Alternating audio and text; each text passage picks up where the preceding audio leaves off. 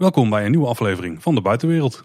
Ja, welkom Paul en welkom eh, gasten bij eh, mij thuis aan de keukentafel. Jazeker, we hebben vandaag eh, Yves in onze nou, studio, zullen we het zo noemen. Hallo allemaal. Hey Yves. Hoi. En we hebben Roy aan tafel zitten. Ja, hallo. Goeiedag. Misschien is het even handig om in te leiden waar we het over gaan hebben. Anders denk je, waarom zijn deze gasten hier? Dan is de context wat duidelijker. Mogen ze dadelijk zelf uitleggen natuurlijk waarom zij aan tafel zitten. Nou, we- vandaag gaan we het over escape rooms hebben, Tim. ja, en even voor eh, de leken onder onze luisteraars, even heel kort. Eh, mannen, wat is een escape room?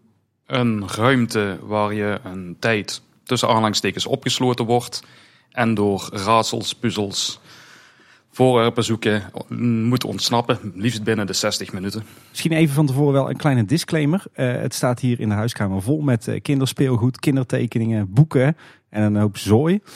Even voor duidelijkheid, het is hier dus geen escape room, hè jongens. Ook al lijkt het er wel op. Ik Dus zie al veel aanwijzingen. Ik was al rond gaan kijken of ik eh, kon beginnen. Maar Ik wil wel dat jullie van je, met je tengels van mijn spul afblijven vanavond. Nee, even voor alle gekheid op een stokje. Eh, Mannen, eh, stel jezelf er even voor. En eh, eh, vertel ook even waarom je eh, aan tafel zit hier bij eh, onze speciale aflevering over escape rooms. Want daar ben ik wel benieuwd naar.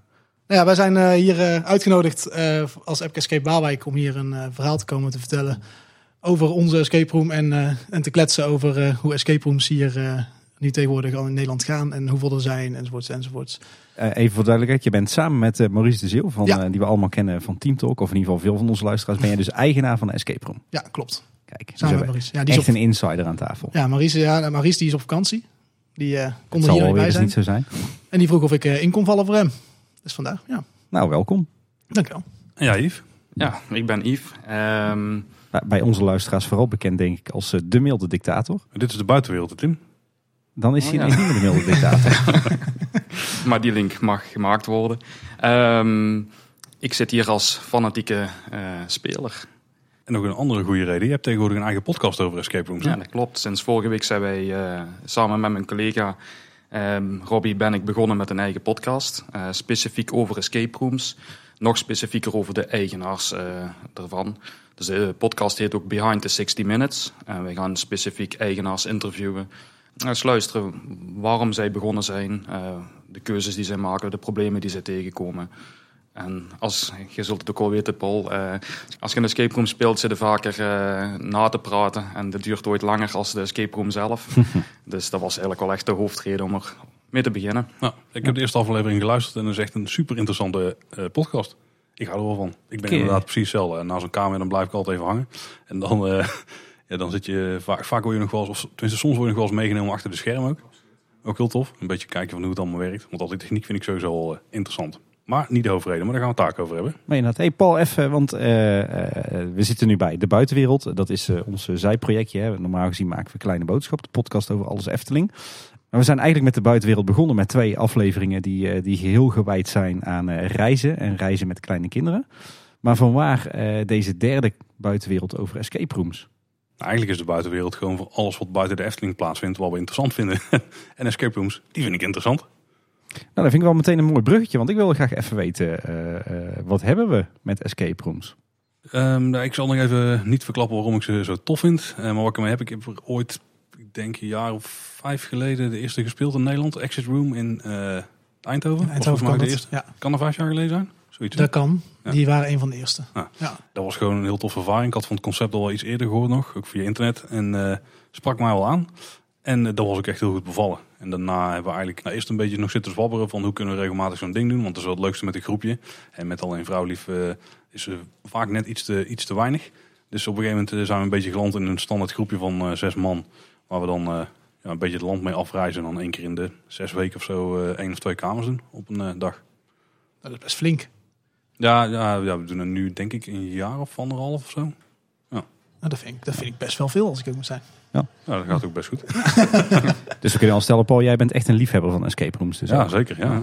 En jij, Roy, jij bent eh, eigenaar van een escape room of mede-eigenaar. Ben, ben je ook echt een liefhebber van escape rooms?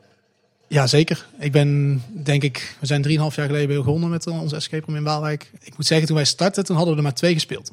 Zowel Oké. Maurice als ik hebben er allebei, of nee, trouwens, dus ja, Maurice heeft er toen, had er toen maar één gespeeld. Oh, En- dat verbaast mij. Ja, nou, dat was heel bijzonder eigenlijk. We kwamen eruit en eh, de eerste keer eh, was met een andere vriendengroep dan Maurice erbij. Mhm. Voor mij een andere vriendengroep. En de laatste keer was met Maurice. Ja, en Maurice en ik kennen elkaar vanuit de Efteling. Mhm. we hebben allebei daar gewerkt. We misten bij die escape room die we toen speelden, misten we gewoon een connectie met het thema. En uh, er was wel een thema, maar er waren puzzels die pasten helemaal niet in het thema. Of die hadden er niks mee te maken. En zodoende kwamen wij een beetje in het verhaal van... Hoe kun, zouden wij dit beter kunnen? En zo uit de, Ja. uit de grap is het eigenlijk een beetje gegroeid. En eh, die grap ging op een gegeven moment geld kosten, zo moet ik het even zeggen. En, eh, Dat het- zijn de beste projecten, ja. ja, en toen het geld ging kosten, toen, eh, toen moesten we een keuze maken. Gaan we hiermee door, ja of nee? Gaan we het concept gewoon opzij leggen of, eh, of wat doen we ermee? En toen hebben wij de stap durven zetten om het wel te doen. En nu, 3,5 jaar later, bestaan we nog steeds. Dus op zich eh, klinkt dat voor ons wel heel goed. Maar zo zijn wij eh, in, die, eh, in de escape room branche gerold. En intussen wel meer escape rooms bezocht eh, dan Ja, ja, nou, absoluut wel. Ik zit Ja. nu tegenwoordig zit ik bij rond de 80 kamers. Ik heb niet precies Zo. het aantal, maar rond de Zo, 80. dat is helemaal flink, ja. En Yves, zou jij jezelf eh, escape room kenner of liefhebber willen noemen? Ja, ik, denk het, ik denk het wel. Ik ben sowieso een liefhebber. Ik hou er wel van om, eh, net lijkt bij een goede dark ride, meegenomen te worden voor een bepaalde tijd. Even de buitenwereld te vergeten. En dat doet een escape room vaak voor mij. Ik zit nu ongeveer tegen de 60 aan. Ik durf te zeggen, van die 60 zitten er 59 goede bij. Eh, je kunt heel makkelijk heel veel kamers spelen, daar is echt geen kunst aan. Ehm, maar de kunst is ook wel een beetje om te kiezen dat je kwaliteitsvolle kamers eh, neemt. Ik geniet nog elke keer. Dus eh, dat is ook een van de redenen dat ik hier zit. Ehm, we hebben toen een hele tijd geleden een leuke activiteit proberen te zoeken om met z'n allen te doen. Er was ook eh, Danny van Eftelflex was erbij en eh, Pieter en Pris van Zero G Reviews. En een leuke activiteit was toen net een escape room. Mhm. En die hebben we toen gedaan. En daar is een tweede opgevolgd waar Tim ook bij was. Ja. Ja, beetje jammer dat jullie mij de eerste keer niet hadden uitgenodigd. Oh, wow, wow, wow. dat was gewoon uitgenodigd. Ja. Ja, dus een of andere babybar of zo. Ja, precies. Dat was mijn vrouw aan het bevallen, ja. ja. Ja, het is gewoon een superleuke uitstap. Ehm, iedereen kan het. Eh, het is niet weersafhankelijk. Eh, het is gewoon het is een hele leuke uitstap. We moeten ook wel als een totaalproject zien, maar daar gaan we zelfs wel wat dieper Ja. op in. Tim, wat heb jij nou met escape rooms? Want volgens mij heb jij wat minder ervaring dan wij, hè? Ja, dat is een beetje stom eigenlijk. Ehm, in potentie zou ik heel veel met escape rooms kunnen hebben. Want ik vind het echt wel eh, kicken. Eh, ik bedoel, raadsels oplossen, puzzels oplossen, eh, puzzelen met woorden en aanwijzingen en cryptische dingetjes. thematische belevingen, backstories, dat vind ik allemaal super vet. Dus in potentie zou ik een heel groot liefhebber van escape rooms kunnen zijn. Alleen dat is er eigenlijk niet echt van gekomen.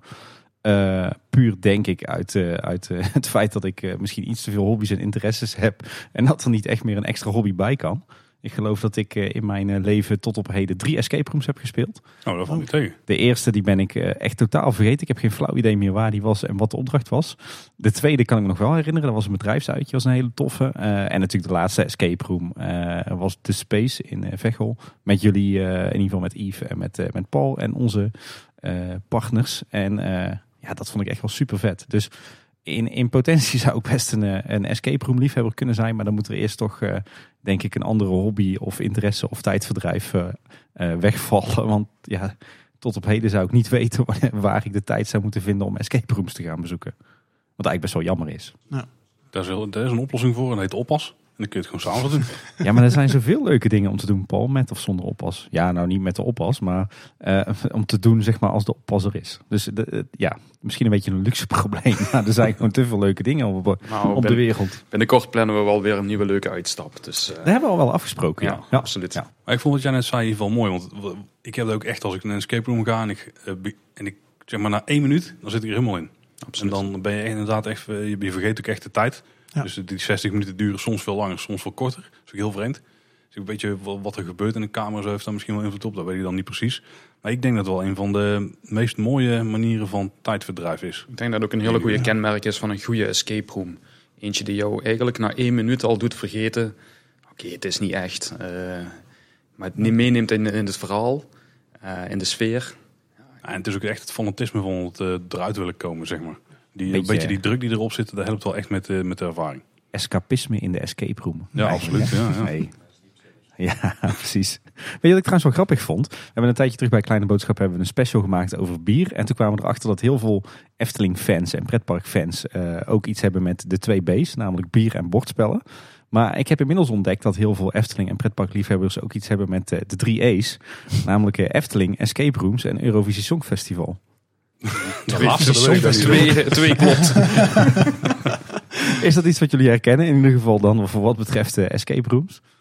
Bij ons absoluut, denk ik. Ja, de escape ja room voor de sowieso. escape room sowieso. Maar de Europese Filmkastel, die gaat er bij mij niet in. misschien, eh, misschien moeten we daar een andere aflevering van maken over de buitenwereld. Maar nee, ja, volgens mij zijn er best wel veel pretparken en Efteling-liefhebbers die ook wel met escape rooms hebben. Ja, ik denk dat het ook een beetje komt door het thema storytelling. Dat tegenwoordig ook heel erg Ja. veel in zit en steeds meer. En ik denk dat dat ook wel een beetje de reden is hoe dat komt, denk ik.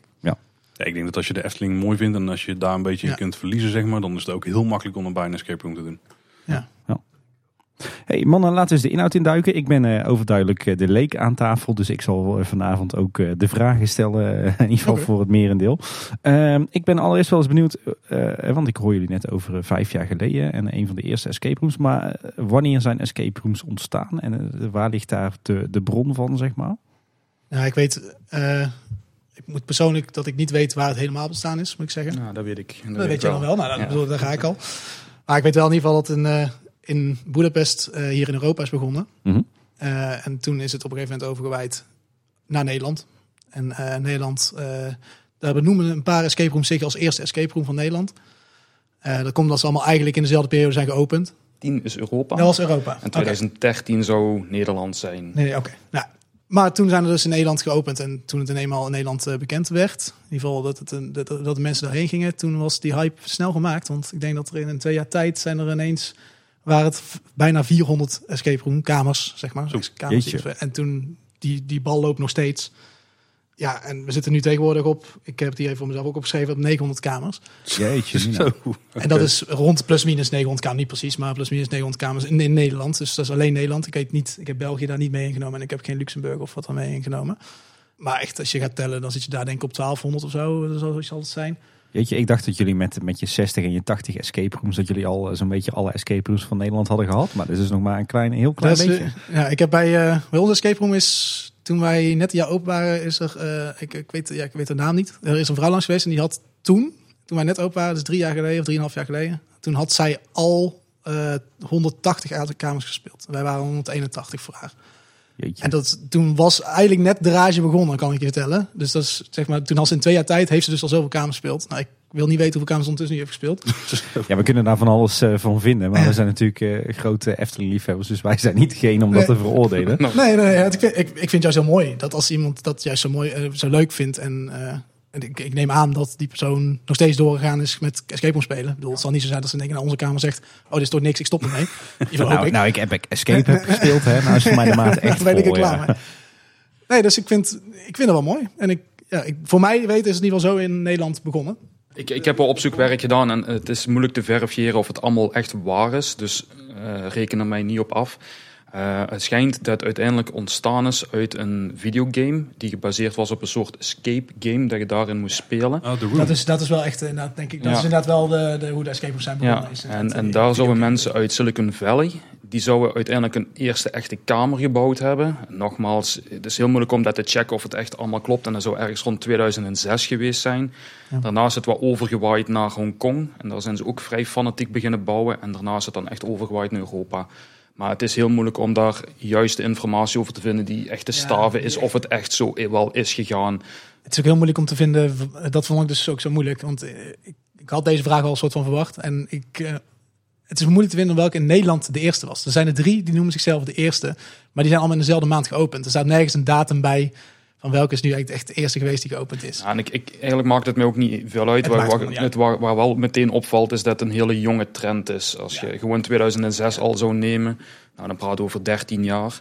Als je dan echt Nederland zou aanhouden op 2013, ja, dan praten we over, over zes jaar Ja. nog maar. Dat is niet lang. Heel het- recent. Het ja. totaal aantal kamers zitten ergens rond de 1200 in de Benelux. Ja, ja. Op 550 locaties, ook is dat niet helemaal juist te controleren.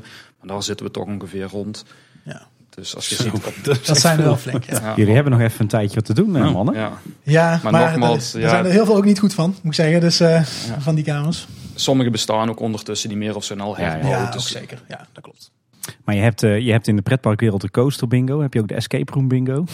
Nee, nee, dat heb Dat je is heel lastig, denk ik, om het te Ja, je halen. hebt wel, ehm, je hebt wel de, ik, ik, eh, de, de NK, Escape Room NK, Escape Room NK, daar eh, werken escape rooms mee samen. En dan kun je als groep zijn, dan kun je aanmelden. En dan heb je een soort van Nederlands kampioenschap escape room. En dan probeer je als eerste te Ja. worden. Maar daar bouwen ze dan specifiek kamers voor, denk ik. Nou, nee, je hebt, ehm, je, je kunt dan beginnen als zijnde, eh, als een groep.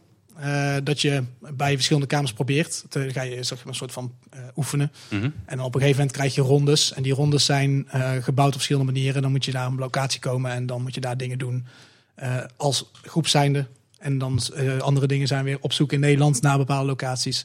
En ze hebben inderdaad volgens mij ook voor één ronde een keer iets gebouwd. En dan moet je dat uit, eh, uitspelen. Hey, en zijn er in die geschiedenis van de escape rooms nog, eh, het is nog maar een prille geschiedenis eigenlijk, maar zijn er nog bepaalde highlights in te ontdekken dat je zegt van nou, dat was echt een belangrijk jaar in de ontwikkeling van de escape room of een belangrijk event? Nou, die evolutie is heel snel gegaan. Ja. Ehm, Ik denk dat we toen wij startten, 3,5 jaar geleden. Ik denk dat wij net aan het einde van de golf zijn gekomen, bij zijn gestart met escape room, met, die, met onze escape room.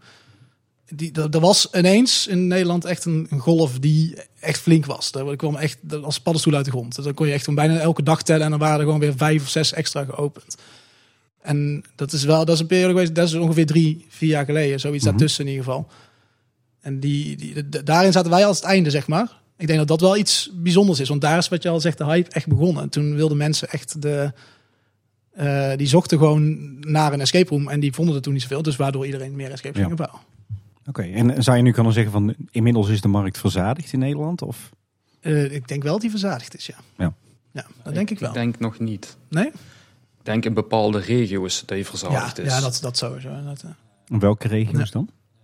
Ik denk dat Rotterdam, dat Ja, gebied, Rotterdam, Rotterdam, Den Haag, daar zitten er echt. Ik denk als je de landkaart van Nederland zou pakken met eh, escape room aantallen, Mhm.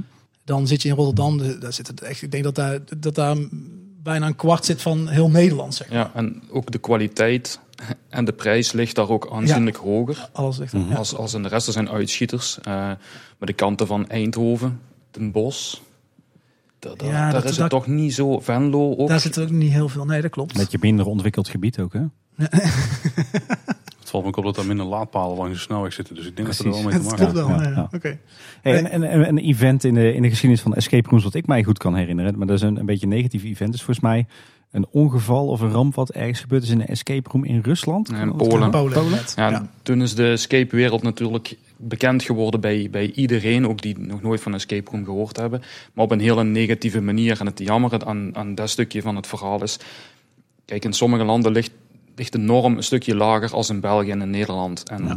dat is altijd prima geweest. Eh, alleen dan gebeurt er iets en dan wordt elke escape room over dezelfde kam geschoren. En dat is verschrikkelijk jammer, aangezien dat de kwaliteit en de veiligheid in Nederland en in België gewoon super hoog ligt. Eh, Ja. die, die situaties die we daar tegen. Ik, ik kan wel een paar situaties schetsen waar ik het nog altijd niet mee eens ben in, in de Benelux. Eh, eentje daarvan is nog steeds handboeien.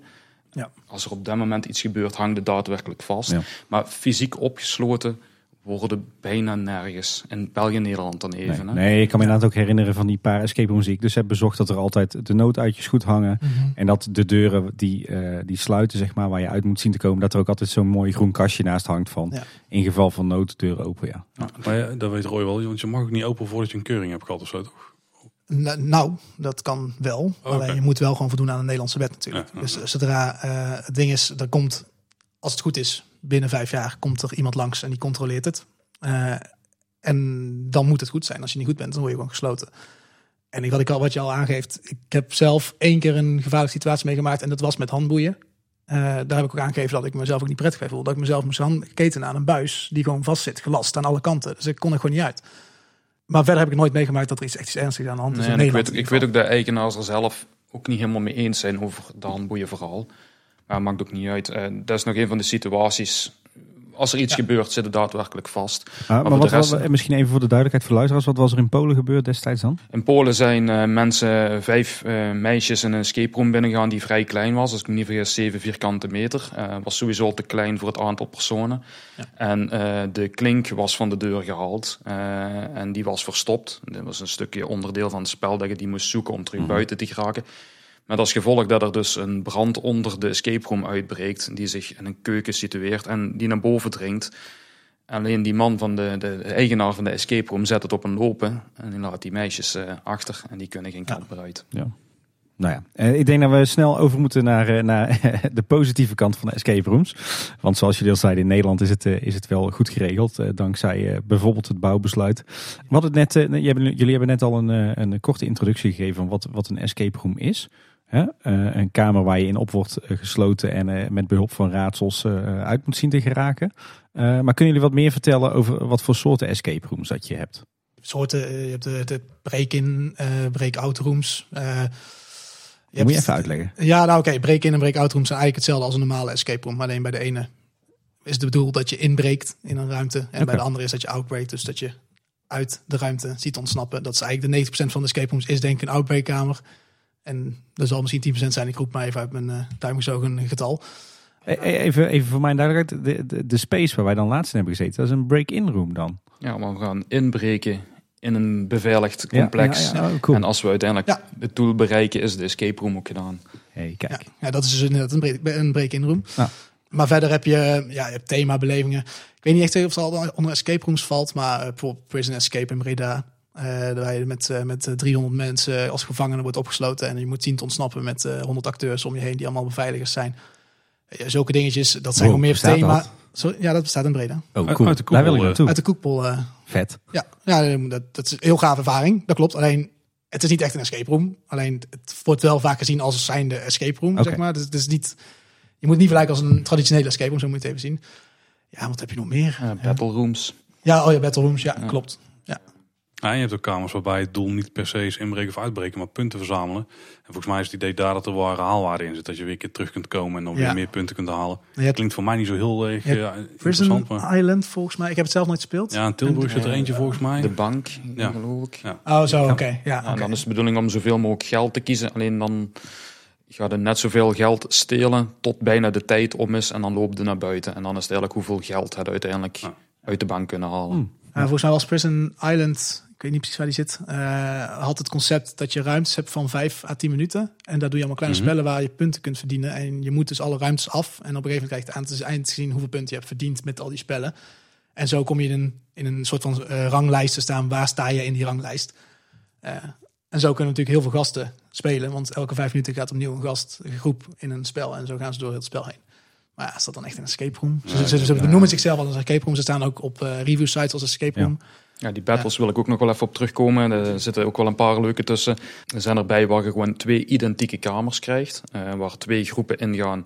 En er gewoon letterlijk gekeken wordt wie komt er als eerste terug uit. Dat is één. Ja. Maar er zijn ook kamers die het leuk gemaakt hebben. En uh, in Nijmegen zit er ergens een ABBA-kamer, als ik me niet vergis. Uh, en als je daar sneller bent als de andere groep, kun je bijvoorbeeld in de andere ruimte het licht uitdoen of de muziek harder Oh. zetten. Dus je kunt elkaar wat tegenwerken. Ja. Of, Is dat bij het einde of als je voorloopt? Zeg, of mag je dat niet zeggen? Dat is toch niet leuk, hè? Ehm, ik heb hem zelf nog niet Oh, gespeeld. zelf niet gespeeld, oké. Nee. oké. Maar als je, als je het eerder als een andere iets goed doet, dan kun je uiteindelijk de andere groep benadelen. Zullen we het daarop houden? Nou, dat is leuk. Ja, zeg maar de, de klassieke escape room is echt die breakout room. Zoals eh, wat ik Dat me erbij voorstel, zeg maar. Ja. Als je kijkt naar percentage, hoeveel percentage is nog breakout room en wat is de, en, en, en de rest, zeg maar?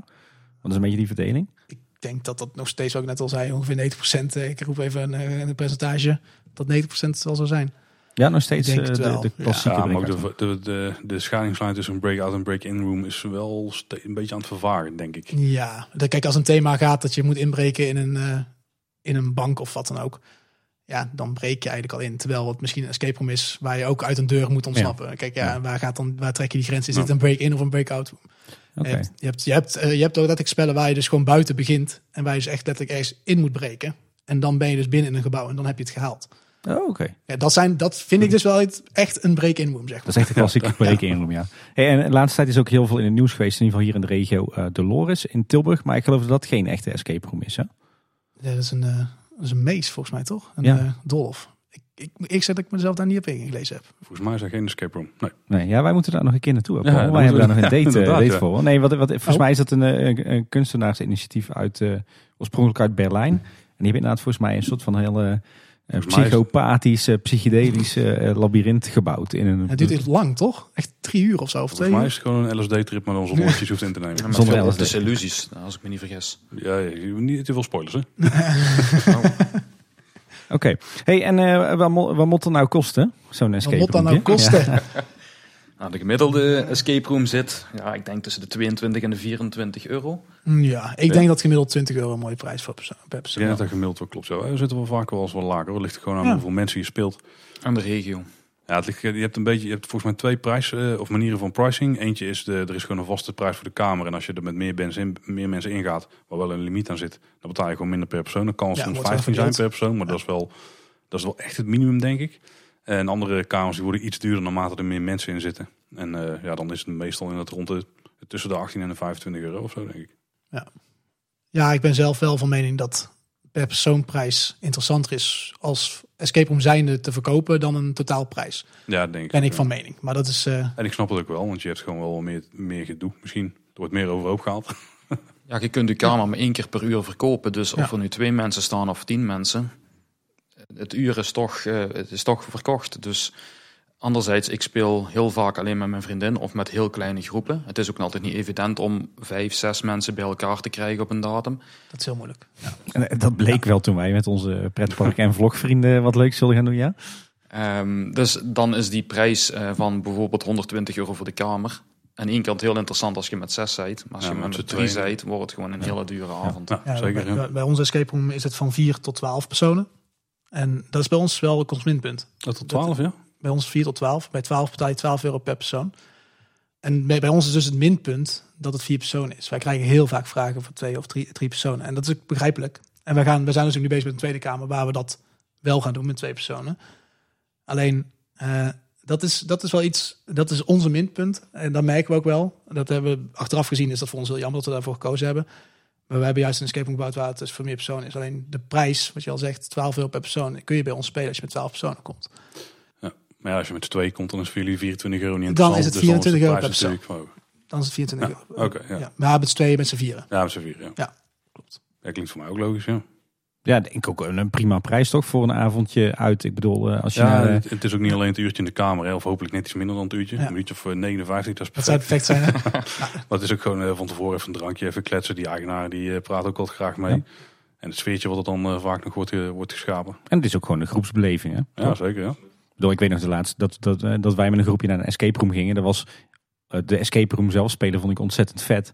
Maar het was natuurlijk ook de gezelligheid van tevoren en achteraf. Ja, en het napraten over de kamer vind ik ook altijd heel Ja, tof. ja zeker als je dan gewonnen hebt. Hè Yves? Ja, dankzij jou. En jou, ja precies. Ehm nou ja, ik denk op zich een schappelijke prijs. Hè. Je kan er van alles van vinden. Dan krijgen we die eeuwige discussie van wat is een euro waard. Maar ik denk als je het afzet, het Nou, als, je tegen kijken, als je gaat kijken naar wat een ruimte, je, wat, er werd net al geroepen, maar je, je huurt een ruimte eigenlijk, zo moet zien, Ja. voor jouw groep alleen. Ja. En ik denk dat heel, wij krijgen met regelmaat horen van, oh, is het, dat is duur. En dan vragen wij van, ja, ja dan gaan wij natuurlijk niet tegen in. Ik bedoel, ja, wat kunnen wij daar nou over zeggen? Alleen, wat is, wat is nu duur, inderdaad, wat je aangeeft? Je huurt een ruimte voor een, voor een bepaalde aantal tijd. Ja, dat kost helaas gewoon geld. We kunnen er niet eh, tien groepen tegelijk in gooien. Als we dat zouden doen, dan zou het 2 euro per persoon Ja. kosten. Maar Ja, ja, ik, ik kan er meteen op meegeven. dat In Amerika is het echt een trend om een escape room te vullen tot de max met andere ja, mensen. met gewoon dat je met meerdere mensen Ja, dus andere dat- groepen gaat. Ja. Dat is bijna een uitzondering dat je daar een escape room met vier mensen kunt spelen. Als die kamer geschikt is voor acht, dan pakken ze gewoon twee andere mensen en nog twee andere mensen. Die hebben ze gewoon bij jouw groep. Ook Oké, dat, klinkt dat wel klopt. minder interessant. Ja, en Ja. Dus je koopt ook echt een uurtje eh, echt Een ruimte ja, een ruimte vrij en, en een beleving. Ja, en het is ook altijd makkelijk om over de, of moeilijk om over de prijs van vermaak te praten. Ik bedoel, een, een avondje bios met wat eten en drinken erbij is, is ook makkelijk 15 euro. Ga je naar een concert, eh, betaal je ook 70, 80 euro. Ga je naar een festival, 100 euro voor een dag. Nou, een dagje Efteling 40 euro, een dagje Europa Park 50 euro. Ja, dan vind ik op zich een avondje escape room voor 20 euro vind ik een heel schappelijk bedrag nog steeds hoor. Ja, voor het type entertainment wat je krijgt is het natuurlijk wel echt de moeite. Ja. Ja. En het is, het is vrij arbeidsintensief. Hè? Maar goed, daar komen we dadelijk nog wel op eh, bij jou Roy. Soms. Hey, ik heb nu al inmiddels een aantal kamers gespeeld. Ik denk dat ik aan de 25 of 30 zit. Denk ik ook een paar in het buitenland. Ehm, wat mij heel erg opvalt is dat er best wel wat verschillende eh type kamers zijn. Dan heb ik het dus niet over break-in, break-out of zo. Maar dat je echt ziet van, oké, dit lijkt wel een nieuw type kamer. En ik heb ook wel eens gehoord dat er 2.0, 3.0 kamers misschien zelfs Ja, al wel zijn. ik weet dat heel veel eigenaars er zelf niet, niet van houden om die benaming te ik gebruiken. heb het hier voor mezelf ook eh, voor mezelf al gezegd. Ik, wat is een 1 en een 2 en een 3 eh, kamer? Dus 1.0, 1, 2.0. Wat is dat? Wie, wie bedenkt die regulatie, zeg maar? Wie, wat valt onder een 1? Wat valt onder een 2? Er, er is, onder er is 3? geen duidelijke reglement over wat nu Nee. een 1.0 of een 2.0 is. Eh, Maar waar wat- komt hij dan vandaan? Uit de fanwereld Ja. of zo? De allereerste kamers die gebouwd werden, eh, waren echt heel basic rooms. Eh, bestonden meestal maar uit één ruimte. Mm, Zie het echt gewoon als gevuld met kluisjes, hangsloten, cijfersloten. That's it. Dat waren echt de eerste kamers. In Nederland is die evolutie gewoon heel erg snel gegaan naar een soort 2.0. En dan moet het meer zien dat de, er is niks mis met een hang- of een cijferslot. Alleen mensen gingen ehm, magneetsloten gebruiken. Dus je deed een bepaalde puzzel oplossen, waardoor er in één keer een luik open viel. Dat was door middel van, van een magneet dat losliet. Ehm, dus 2.0 kamers werden eigenlijk al meer naar volautomatische kamers ge- gegaan. Ehm, iemand liep de kamer binnen, vanaf het moment de deur dicht ging, begon het spel. En hadden de Game Master die eigenlijk nog alleen opvolgde. Dus die eigenlijk niks meer moest doen, die kamer werkte automatisch. Ehm, natuurlijk zit er een grens tussen. Eh, er zat een anderhalf eh, tussen, tussen de 1.0 en de 2.0. Ehm, en daarna zijn we eigenlijk, en dan zie je nu die trend wel opkomen naar 3.0 kamers. En ook al is die definitie niet heel juist, ehm, we gaan meer naar een totaalbeleving. Dus denk richting eh, geluid, thema muziek gecomponeerd, eh, super realistische decors, ehm, geuren die gebruikt Het worden. immersive allemaal, zeg maar. Het is meer immersive allemaal. Ja, echt een totaalbeleving, acteurs erin. eh, je krijgt een heel duidelijk verhaal mee. En dat wordt nu een beetje verstaan onder 3.0. Ja, er zijn ook gewoon er zijn ook escape rooms die het gewoon in een benoeming of in de benaming van de, van de titels zetten. Gewoon een eh, next level next of level 3.0 kamer. 2.0. En dan ja, dat klinkt natuurlijk al heel interessant Ja. voor een gast. Oh, oh, dat is nieuw. En dat vandaar, ik denk dat het ook gewoon daaruit is gekomen. Dat daar een beetje ontstaan is. Eigenlijk samenvattend zou je kunnen zeggen, de 1.0 escape room is de analoge escape room. De 2.0 is de digitale escape room. En de 3.0 is de immersive gewoon- escape room. Gewoon volledig gethematiseerd alles. Ja, dus eigenlijk wat wij zo mooi vinden aan eh, eh, de Eftelingen, aan pretparken, aan dierentuinen. eh, dat vind je eigenlijk ook terug in die 3.0 escape room. Maar dat wil Ja, ook niet zeggen maar dat een 3.0 Beter kamer is dan een 2. ja, automatisch beter is. dan een Dus 1 bijvoorbeeld. Dus eh, dit, dit is, Ja, precies. Dat gaat het is dan heel meer. moeilijk. Ja. Daarom, da, da- ik, ik moet ook zeggen dat ik vind het een soort van penoniers voor ons Mhm. als escape room zijnde dat, eh, dat die stempels soms worden gezet. Dat is best wel moeilijk. Ja. Omdat je, eh, ja, als wij bijvoorbeeld een review krijgen, want je kunt online gewoon reviews plaatsen en dan iemand zegt een 1.0 kamer. Ja, oké, dat mag iemand vinden. Maar daardoor, als Zo, iemand zo het wordt er ook leest, echt over gesproken. soms wel, ja. En dan wordt er gewoon een stempel op je gezet. Maar dat is wel een probleem. Want soms, als mensen dat lezen, denken ze... oh ja, maar ik ga geen 1.0 kamer meer spelen. Ja, terwijl dat er helemaal niks negatief hoeft te zijn. Nee, en dat is heel vervelend. Ja. Ik zou jullie niet als een 1.0 kamer omschrijven trouwens, maar dat terzijde. Als, eh, volgens jouw definitie van net, hè? Ja. Waar Ja, dankjewel, maar dat Wel gebeurt, ja, maar dat gebeurt soms wel. En eh, als het is natuurlijk iemand zijn eigen, zijn, eigen, zijn eigen mening. En dat mag. Alleen ja, als zo'n stempel erop gedrukt wordt eenmaal, dan staat dat vast. En dat is wel, ja. Kijk, je ziet wel een duidelijke evolutie in de kamers. En vooral qua afwerking denk ik dat er die grootste stappen zijn genomen. Dat we vroeger een heel simpel vierkantig kamertje hadden... waar Ja. iemand met de verfrol over de muur gegaan was... en drie houten latjes tegen de muur had getimmerd. Ja, daar kwam de echt in de beginjaren nog mee weg. Mensen verwachten ondertussen wel iets Ja. meer. En goed, dat er een evolutie is... voor mij maakt het niet uit of het een 1.0 of een 3.0 kamer is... als het maar past bij het Nee. thema. Sterker nog, ik ben laatst op een locatie geweest waar ze twee kamers hadden. Spoiler vooraf, we hebben daar top 5 hè, van degene die er al meer dan eh, vijf hebben gespeeld. en daarin, eh, daarin zul je dat wel merken, maar dan vond ik de oude kamer vond ik veel beter dan de nieuwe kamer. Ja, dat kan. Terwijl die bij heel veel mensen heel erg eh, Ja, het- hoog in het vaandel stond, maar ik vond de oude kamer Het het nadeel is ook een beetje dat die 3.0 kamers ooit helemaal losgaan op één bepaald effect. Eh, ik- ja, ze noemen dat dan een mindfuck. En, en dan vraag ik me dikwijls af, oké, het is een heel chic element wat erin zit. Dat Mhm. kan een, een effect zijn of iets in de kamer dat echt een, een gevoel geeft van wow, wat is, wat hebben- hoe hebben ze dit gemaakt? Ik eh, heb alleen- een paar in mijn hoofd zitten, ja. Ja. Ja, alleen is het feit van, klopt het verhaal nog? Hoe was het onthaal? Hoe was het napraten? Eh, hoe waren de puzzels? Het, maakt, het is toch een totaalproject. Ik vind het wel Eh, bijzonder dat zo'n effect, eh, zo'n eenmalig effect, het kan doen voor een kamer en daardoor in een toplijst staat. Dat vind ik best, best interessant. Dat, dat, dat, hoe, hoe komt het dat sommige escape rooms een gehele spel eh, niet misschien één zo'n groot effect hebben, maar daardoor lager in een toplijst staat? Of niet eens in een toplijst. Terwijl een andere kamer hetzelfde is, maar er zit dan misschien een, ik zeg even, een, eh, een muur die eh, wegvalt of een, een, een tegelwand die in elkaar valt of ik zeg maar even iets eh, erin zit. Eh, Ja. Waar is die grens, zeg maar? En dat vind ik best wel bijzonder dat mensen dat toch zo vinden. Nou, ik vond het wel grappig bij de Space in Veghel. Eh, de- de- volgens mij de gimmick daar is het feit dat ze daar een, een raket in die, een van die silo's hebben staan. Spoiler, spoiler. spoiler. Ik kan zeggen, Ja, spoiler alert, daar komen ze mee naar buiten. Dus. Dat is Ja, inderdaad. ja, Ja, ja. Maar eh, dat vond ik eigenlijk helemaal niet boeiend. Ik vond het gewoon een super vette escape room door Ja. alle opdrachten en het zoeken en het puzzelen en cryptisch. En, maar die raketten, ja. Nou, ik moet zeggen, ik weet niet, want je kunt daar dus, ik, om daar verder te gaan, je kunt daar twee thema's spelen tegelijk. Ik weet niet, eh, mag ik vragen welke jullie gespeeld hebben? Ja, ik heb ze beide gespeeld, maar Oh, ja, toen op dat moment was het eh The Lounge. En Dat is... Paul en eh, Yvonne speelden de Sabotage The Lounge. Ja, ja, ja. Oké, ze hebben niet Amerikanen gespeeld. Jawel, ja, ja. Wij we waren- langs, wij waren Oh, de oh sorry, jullie waren met z'n... Oh, zo. Oké, Ja. nee, die Ja. link had ik nog niet gelegd. Excuus. Dat is allemaal bij elkaar. Ja, dat is eigenlijk een battle room. Ja, nee, daarom. Nee, dat was een battle room. Nee, Ja. dat klopt. Eh Amer die Amerikaanse variant van de, van, van, het, van de launch. Dat raketeffect vond ik juist het effect dat die camera maakte voor mij. En dat is dus misschien wat ik bedoel met wat ik al zei. Ik vond die camera heel goed, omdat er iets tevoorschijn kwam. Op een hele gave manier. Voor mij kwam hij heel gaaf tevoorschijn. Ja, Ik heb de andere niet gespeeld, dus ik heb geen idee hoe bij die andere tevoorschijn kwam, de raket. Ja, het is, dus is- ook wel, het is dus ook wel heel subjectief. Dus Ja, nou, daarom, ja. maar dat is Ja. wederom misschien het ding. Ik, waar, wat we al zeggen, er is één effect wat voor mij maakt dat die camera... Ja, maar goed, Oh, we gaan goed. lanceren. En wat gaan we lanceren? Als er geen raket zou staan, dan had ik narratief meteen het gevoel van, nou goed, we gaan iets lanceren, maar we zien niks. en meestal wordt het dan maar- opgelost met een Ik tv-scherm wou met een ik eh, denk, raket. ik denk dat ik, dat ik, waar ik mijn mond van open liet vallen, is dat ik, ik weet dat er het over raket ging. En eh, dat, dat het verhaal daarover gaat en een, een lancering dat ik dat moet doen. Alleen dat daar dan een levensgrote raket staat, dat was wel even een moment van, oh, wow, dat hebben ze wel heel graag gefixt. Want wat je al aangeeft, 90%, ik denk misschien wel 99% van de escape rooms zou gewoon een, be- een beeldscherm achter een raampje hangen en dat was het. Is ook wel iets realistischer, denk ik. Want bij de meeste raketsilo's denk ik niet dat je de raket kunt zien terwijl die opstijgt. Van binnen in de silo. Oh, dit zijn spoilers. Ik vind, ik vind het wel grappig waar, jij net over had. eh, ik weet even niet of het Yves of Roy was. eh, over het feit dat iets ook heel gaaf gedecoreerd en, en thematisch allemaal kan kloppen. Maar dat het dan geen sterke escape room Ja. Eh, is. Eigenlijk is dat dus zo een beetje het symbolica effect. Hè? Symbolica in de Efteling. Ik leg graag links met de Efteling, dat snappen jullie.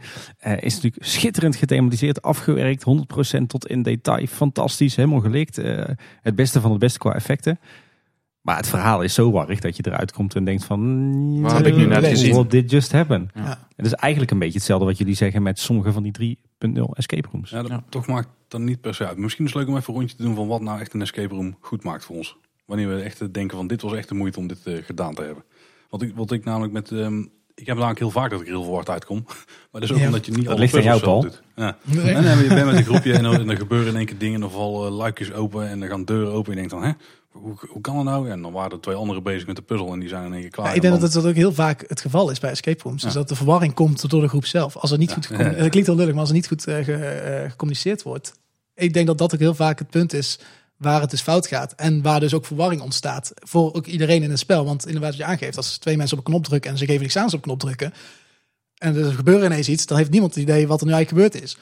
Nee, En vaak nog, omdat iedereen verwacht is, ook die twee personen die op de knop drukten, weten dan ook niet meer wat ze gedaan hebben, want die waren dan ook verwacht. Maar dan, dan maakt het naspreken dus wel leuk, want dan loop je even na van oké, ik deed toen Ja. dit, toen deed ik dat, oh ja, toen, Ja. omdat jij dat deed, gebeurde toen dat. Ja, ja. Nou, ik vond het ook wel leuk toen wij in die, in die escape room zaten, eh Yves en ik en onze vrouwen. Toen riepen we ook wel echt naar elkaar van, eh, wat zie jij hier, wat zie ik daar? Ik, zie daar dit slot, ik zie daar dit cijfer, wat heb jij? Dus het is inderdaad, Ja. ik denk dat communiceren wel echt een skill is die je in je moet hebben. Ja, Ik, ik vind twee dingen belangrijk. En het eerste is, ehm, maak het vooral gewoon niet te moeilijk. Eén, als, als het vooral super moeilijk is, in 1973 is boer eh, Charles eh, zijn vrouw kwijtgeraakt op, ik bedoel, vijf minuten in de escape room ben ik bezig met die puzzels oplossen. En ben ik echt niet meer met dat verhaal direct bezig of alles moet dat verhaal schreeuwen. Mhm. Maar als het vooral gewoon is, breek binnen bij de bank en steel het goud. Nou, bedoel, er hoeft geen raket geleerd te zijn om dat Nee. te onthouden. Dan moet je niet en naar je onze gaat volgende inbreken. kamer- En je gaat goud stelen, zo simpel moet je niet naar onze volgende kamer komen, want dat... eh, Nee, nood. Het is een diepgaande storyline. Eh, Ja, eh, Maries gaat ermee verder. Hè? Dus dat is een... Nee, maar het verhaal kan nog ingewikkeld zijn, maar je kunt nog met een hele kleine potline Ja, naar klopt. binnen gaan van Ja. los dit op. En, ja, wat is je doel? Maar ik geef Paul helemaal gelijk. Uiteindelijk, ik denk uit 90% van de escape rooms waar ik binnenloop, ben ik overtuigd dat ik niet heel veel van het verhaal heb meegekregen in de escape room zelf. Ja. Maar achteraf ben ik ook de eerste om de eigenaar of iemand te vragen van, doorloop eens heel even de kamer, kan dat? Dat is, dat is natuurlijk een vraag of het kan. Maar dikwijls krijg je dan wel bepaalde antwoorden Ja. op je vragen, waardoor je zegt, oh ja, nu begint het duidelijker te worden. Ja, je hebt ook al kamers die zetten echt, echt het spel even stil om een stukje verhaal te brengen. Ja. Of, of een stukje sfeer. En dan, volgens mij zegt ze van tevoren van soms gebeurt er iets en dan stopt de tijd ook even. Ja. En dan eh daar hoef je dus niet eigenlijk druk om te maken. En dat is wel duidelijk. En dan gaat daarna gewoon weer verder.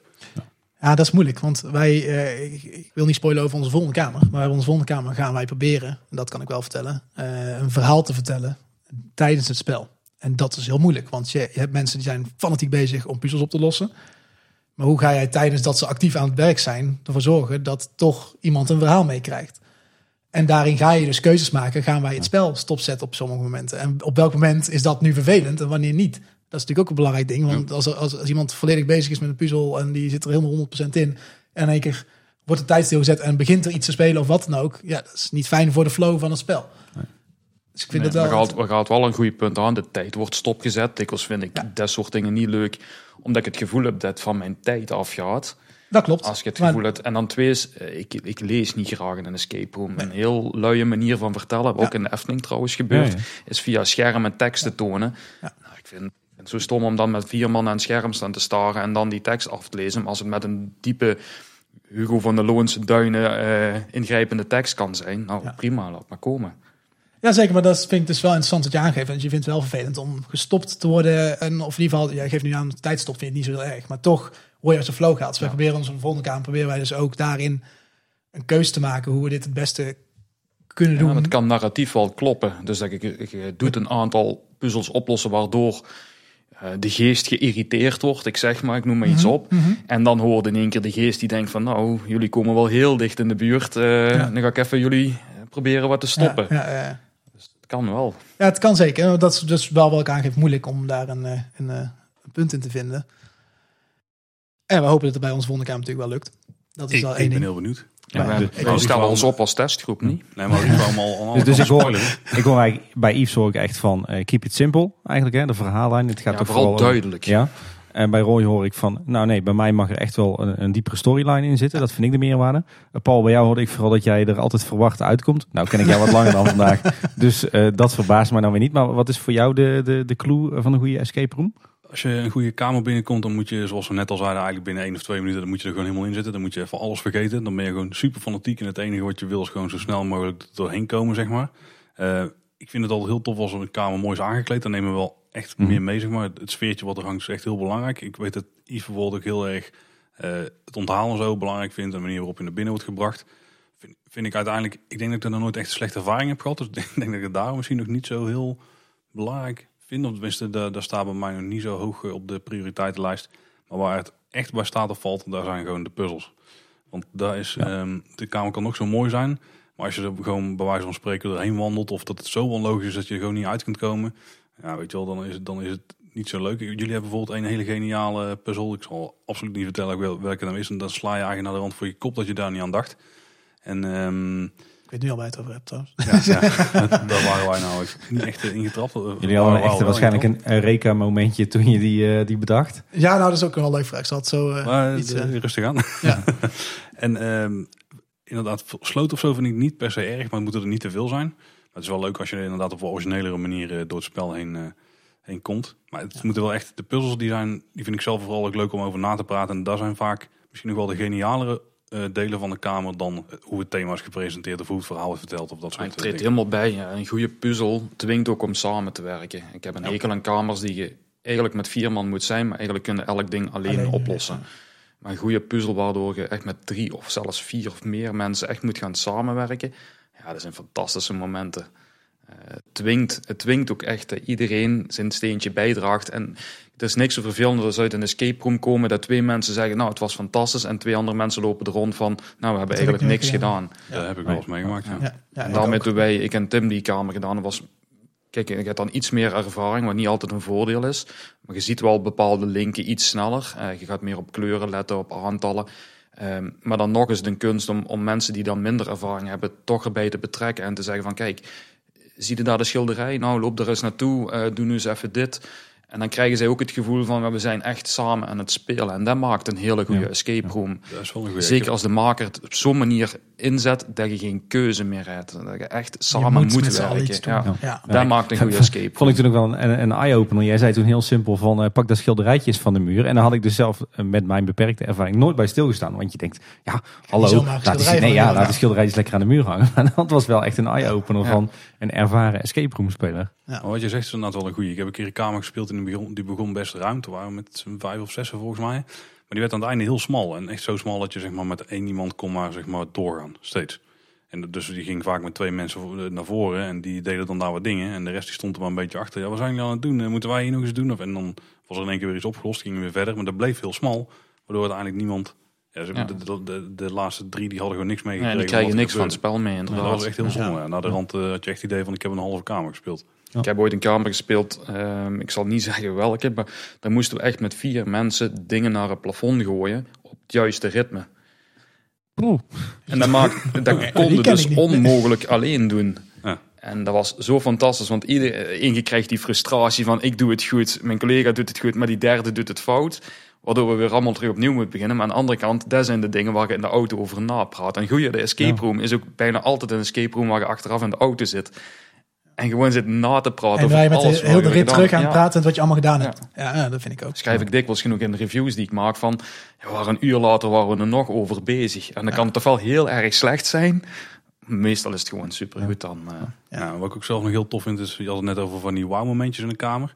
Als dat dan gecombineerd kan worden met de puzzel, zeg maar, dan, dan, eh, dan raak je echt een hele goede snaar. Ja. Maar dan, eh, dan Ja, kom ik, moet wel, zeker. ik moet wel zeggen dat de kwaliteit van puzzels, en dat is mijn mening, daar ga ik even uit in zijn, maar de kwaliteit van puzzels achteruit is gegaan met, als je het vergelijkt met de kwaliteit van de kamer zelf qua thematisatie. Ik denk dat het best wel waar is. Ik denk Ja. dat ik De, focus is te veel Het is- wil je Ja. eigenlijk zeggen. Ja. En maar ik denk wel, en dat, en dat is niet om, eh, eh, om jou te benadelen daarover, maar ik denk dat wel de meeste mensen gaan voor de beleving en niet voor de puzzels. Er zijn een x aantal mensen die gewoon heel erg houden van escape rooms en die gaan naar escape rooms en die doen er heel veel. Net zoals die vrouw die ik van Ja. toen straks al aangaf bij de eerste kamer van ons. Maar die gaat, voor, die gaat gewoon alle escape rooms af. Maar een escape room zoals die wij hebben, er komt, dat is misschien 5% van de gasten die langskomen, zijn fanatieke spelers. De rest zijn gewoon spelers die niet fanatiek zijn. En die komen dus ooit, die hebben ooit een keer eerder een escape room gespeeld. En eh, die vinden dat minder interessant. Die gaan echt voor een beleving. En Ja, ja. ik het is meer voor het, bedrijfsuitje. De, ik wou zeggen, zo waar ga je, de waar- 11, dat is, voor, 11 dat is voor, voor mij als escape room eh, eigenaar heel moeilijk. Waar trek ik dan de grens? Wil ik alleen maar die 5% aanspreken? Of wil ik die andere 95% aanspreken? Ja. ga, je, ga je echt diep voor de inhoud of ga je voor Want de, het is, de namelijk, opsmuk, het is namelijk hè? ook zo, de kwaliteit van de escapes gaan vooruit. Er zijn groepen die hebben gewoon meer dan 300 kamers gespeeld. Ik, ken, eh, ik weet niet wie, maar er zijn er gewoon.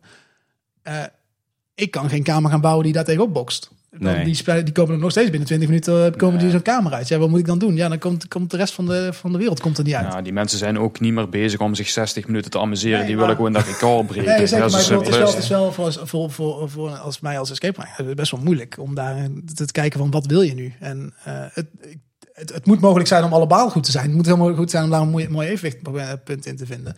Maar dat is natuurlijk heel moeilijk. Ja, Maar ik snap wel dat jij zegt van, moet ik als ik een escape room bouw, moet ik dan gaan voor die hardcore escape room spelen? Ja. Hè? Of moet ik gaan eh, toch meer voor het grotere publiek, voor de bedrijfsuitjes, voor de teambuilding, voor de, de vriendengroep, eh, de weekendjes weg? En wij, Ja. hebben, wij hebben nu een escape room, onze huidige kamer Outbreak, die is 34% heeft hij een slaagpercentage. Mhm. Die hangt echt al heel lang, hangt hij op hetzelfde percentage ongeveer. eh, Is dat hoog of laag? Dat is laag. Laag. ja. Dus, dus hij is moeilijk. Hij is moeilijk. En eerlijk vind, baal ik daarvan dat we daar toen, tijd- toen tijd voor gekozen hebben. We hebben toen tijd voor gekozen om een iets moeilijkere kamer te bouwen. Omdat we dachten, wij zitten laat in de hype. Ja. Achteraf gezien, ja, ik had liever een kamer gehad die 60% slaagpercentage heeft gehad. Ja, omdat mensen dan toch met een beter gevoel naar Ja. huis gaan. Ja, er zijn En- genoeg ja. mensen die bij ons dus niet hebben gehaald. Ja. Gewoon 33%. Of eh, sorry, eh, 66% Ja. heeft het niet gehaald. Ik- En dat is voor ons best wel ook pijnlijk. Want soms gasten die... Dat zijn 90% van, de, van, die, eh, van die 66% van de gasten zijn gasten die nooit een escape room hebben gespeeld. En dat is heel moeilijk. Want ja, je wilt toch wel een soort van goed gevoel geven voor Ja. gasten. die Ja, je bent ook een beetje een ambassadeur voor Ja. alle escape rooms. Ja. Dan is de vraag weer in hoeverre wil je gaan pleasen? Ja. Ja, en dan moet ik kiezen, ga ik dan... Als ik dan weer te veel please naar de gast die nooit een escape room heeft gespeeld... Dat is dan ook weer moeilijk. Dan, dan komt iedereen er zomaar uit, snap je? Ja. En dat is ook weer heel... Ja, moeilijk om daar een keuze Ja, te nou snap ik ook wel dat je zegt van eh, het gaat inderdaad eh, over het totaalplaatje. En niet alleen over hoe moeilijk of makkelijk zijn de puzzels, Ja. maar het gaat ook over de beleving, over het Ja. verhaal, over de sfeer. Nou, ik, vind, ik vind het tweeledig. Ik, ik vind het zelf absoluut niet erg om niet uit een escape room te geraken. Dat, dat boeit me eigenlijk helemaal niet. Nou, na een uur of acht dan... eh, Ja, dan wel. Eh, Dat maar, lukt nog meestal wel, denk ik. ja, maar ik vind het wel heel erg jammer als ik erachter kom. Eh, dan gaan we nog een stapje verder. Maar, ehm, dat er nog drie ruimtes waren die ik nog moest doorgaan. Ja. Daar baal ik wel van, want dan heb ik echt het gevoel gehad van één, ik ben niet goed opgevolgd. Dan zullen we zelfs wel even op terugkomen. Eh, dat is het eerste stukje. Ik wil wel het gevoel hebben dat ik hem kon halen. Ja. Eh, en het tweede ding dat ik erop wil zeggen is, ik ken al escape room eigenaars die eh, puzzels instellen dat ze op een gegeven moment de kamer kunnen beïnvloeden. Dus een groep Ja. die Heel snel gaat, Ja. dat ze een puzzel moeilijker kunnen zetten of gevoeliger zeg maar ooit, of een extra puzzel kunnen aanzetten, waardoor de beleving ook voor die mensen die er heel vlot, die rekenwonders zijn bijvoorbeeld, die er ook tussen zitten. Eh, ik zit nog altijd met mijn pen op een papiertje en ik tel alles fout, eh, terwijl ik het thuis allemaal goed doe. Ja. Op dat moment niet. Er zijn mensen bij die, die eigenlijk op, op 10 seconden rekensommen kunnen oplossen. Dat ze die toch kamers toch wel Ja. moeilijker kunnen maken. Ja maar dat vind ik slim. Dat vind ik een heel ik vind een hele goede vooruitgang dat dat, Ja. dat mogelijk is. Dan Kijk, je betaalt tenslotte voor een uur. Hè? Zo simpel Ja. is het. Hè? Ja, het is, het is denk ik een moeilijk spanningsveld inderdaad. Eh, ik moet zeggen, ik zelf, zelf ga ik in de basis ook wel, eh, denk ik, voor een, een, een goed gewogen gemiddelde zou je kunnen zeggen. Of een goede balans tussen een goed verhaal, een goed thema en de inhoud, de puzzels. Maar ik denk als ik echt kijk naar wat ik echt belangrijk vind, hè, even op basis van mijn drie escape rooms ervaring, maar goed. Wat ik eigenlijk nog het, het allervetste vind is dus inderdaad wat jij ook al zegt Paul, de puzzels. En dan nog niet eens de, de, de klassieke puzzels van de rekensom of het slotje. Wat ik dus heel gaaf vind is, is als, het, als het heel gevarieerd is en wat dieper gaat. Hè. Een foto aan de wand waar een aanwijzing in zit, stukken die je moet doorlezen. eh, een zoektocht naar, naar spullen, iets wat aan elkaar gelinkt is. eh eh, morsen, kleurcodes. Weet je, als het net wat dieper gaat dan die standaard puzzels eh, die je thuis eh, in je puzzelboekje doet, zeg maar. En er zit ook nog variatie in en een stukje diepgang. Ja, daar word ik heel vrolijk van. ja. Ja, wat je absoluut niet wilt, is frustratie. Als je, als je echt in een kamer zit en, en je, voelt, je voelt gewoon in, het, in de hele groep frustratie opkomen, dat is een, dat is een heel slecht gevoel in een escape room. Ehm, en als je dat kunt voorkomen door wel goed gebalanceerde puzzels, op tijd een tip bijvoorbeeld, waardoor eh, een, Dat is ook iets wat ik vaak mis hoor. Ik heel vaak, dat vind ik echt, eh dat blame ik escape, room, escape rooms letterlijk voor. Als ik een spel speel en ik kom, ik, ik merk dat ik zelf al vijf minuten aan het ronddwarrelen ben met het idee van wat ben ik nu in godsnaam aan het doen. Dan had ik vier minuten geleden al, Ja. had een medewerker dat in ieder geval via de Ja. kamerbeelden moeten inzien of hoe zij mij aan, hoe ze mij zien, maakt me niet uit. En mij gewoon moeten helpen. Ik vind inderdaad, dat is inderdaad wat je al zegt, de boosdoener van een kamer. Als je zo dat de mensen niet door kunnen. En misschien gaan we een beetje van hond naar her, maar Ja. eh, dat mag af en toe. Eh, eh, ik hoor jullie al zeggen over beïnvloeden. Ik hoorde Game Master eh, vallen. Wat echt, praat me bij. Wat, waar hebben we het over in godsnaam? Want het is toch gewoon, je wordt opgesloten en, en een uur later kijkt de eigenaar of je nog leeft. Of werkt dat zo niet? Ja, een Game Master is eigenlijk de persoon die, als het goed is, meestal is dat zo, dat één persoon je volgt tijdens het gehele spel. En misschien ook dezelfde persoon die je ontvangt, enzovoort, enzovoort. En dat is eigenlijk de Game Master, die zorgt ervoor dat de game, het spel, de, de, voor ons Outbreak, eh, eh, draaiend is. En dus de gast wordt ontvangen door de Game Master. Eh worden een aantal regels uitgelegd, wordt het spel ingeleid. Gaan het spel in, tijdens het spel houdt die Game Master eh, het spel in de gaten. Hoe dan? Ja, eh, bij ons is er altijd iemand die de kamerbeelden in de gaten houdt en kan meeluisteren. Mhm. En dus wij met kijken camera's. met camera's in, de, in het spel inderdaad. Ja. Dat is, vind ik heel belangrijk. Eén, één, één is natuurlijk voor veiligheid. Het is heel belangrijk dat er gewoon iemand meekijkt voor als er iets gebeurt. Twee, het is ook voor mij, ik denk veiligheid bovenaan staat, maar twee is dat de, eh, het, het spel helpen is denk ik het belangrijkste. Daar, daarna is het spel helpen. En dat is dus als ik zie dat iemand vastloopt of dat meerdere mensen vastloopt eh, of dat iemand op een gegeven moment heel de groep aan het rondwarrelen is en echt geen idee heeft wat hij aan het doen is. Ja, dat is, geen, dat is ook geen beleving voor die gast. Dus je wil, dan, moet je, ja, dan moet je ze niet helpen. Maar dan vraag je of ze willen geholpen worden bijvoorbeeld. Of wat dan ook. En zo help je ze. En Ja. Kijk, een, een, een game master weet ook als geen ander, als de groep binnen de eerste 15 minuten, ik noem maar iets, niet voorbij dit bepaald gedeelte is, dan wordt Ja. het heel moeilijk om de kamer te halen. Ja. Dus dan weet hij al bij 10 minuten, we gaan ingrijpen. En dan maakt een goede game master. goede van de Game Masters zijn de beste Game Masters er zorgen dat iedereen bij de laatste minuut uiteindelijk zal gaan ontsnappen. Of niet, zeg maar. Snap je dat? Daar zit dan denk ik de grens. Je moet eigenlijk niet hebben dat eh, bij ons, eh, bij onze voorbeeld, ik ga niet te veel spoilen, maar bij, bij ons is het redelijk duidelijk te zien dat je spel wel gaat halen of niet op een gegeven moment. En ik denk dat dat een heel moeilijk punt is. Maar voor ons moeten wij er proberen voor te zorgen dat iedereen altijd het idee heeft dat het spel kunnen gaan halen. Je moet de kans hebben. Als, Dus- als je dat ziet als gast, dan is het vaak gewoon goed. Als ze zien, als, als bij ons zien dat het niet meer mogelijk is, dan gaan mensen het ook gewoon opgeven. Dan zeg ik dan, waarom zou, waarom zou je dan nog zoveel moeite steken als je toch ziet van ja, ik heb Ja, nog vijf waarom zijn minuten. kamers waar, waar de tijd zichtbaar is, vind ik persoonlijk een nadeel. Op, op een gegeven moment gaat de verwijgen beslissen van, ik zie nog maar vijf minuten op die klok, je weet niet hoeveel werk dat je nog hebt, of, of het loopt gewoon even niet lekker. En dan ga je opgeven, want je zegt, ja, ik haal dat toch niet meer op die vijf minuten. Terwijl als die tijd er niet is, ga je net Ja, langer Of juist, je gaat heel hard, je gaat juist harder werken. En je denkt, oh, je moet die laatste vijf minuten. Ja, het ligt wel een beetje aan de kamer, denk ik. Maar bij de ene kamer dan vind ik het ook vervelend, maar bij de andere dan is een klok toch wel, toch wel prettig. Ik vind, ik vind het wel echt een eye-opener. hoor. Waarschijnlijk ben ik veel te naïef, maar ik heb dus nooit geweten dat, je, dat het spel zo wordt beïnvloed van buitenaf. Maar als je dus, Soms, soms wel, soms niet. maar als je dus eh, ga- gamekeeper, gamechanger, wat was Game je? Master. Game Master Ja. bent, dan moet je dus echt, denk ik, zwaar gefocust zijn op die camerabeelden en het geluid. Ja, het Of, valt mee. of hoor. is dat eh, routine? Ja, ik voel mezelf, zo zeg ik het ook altijd, als ik gasten achteraf napraat, dan voel ik mezelf ook altijd een onderdeel van het spel.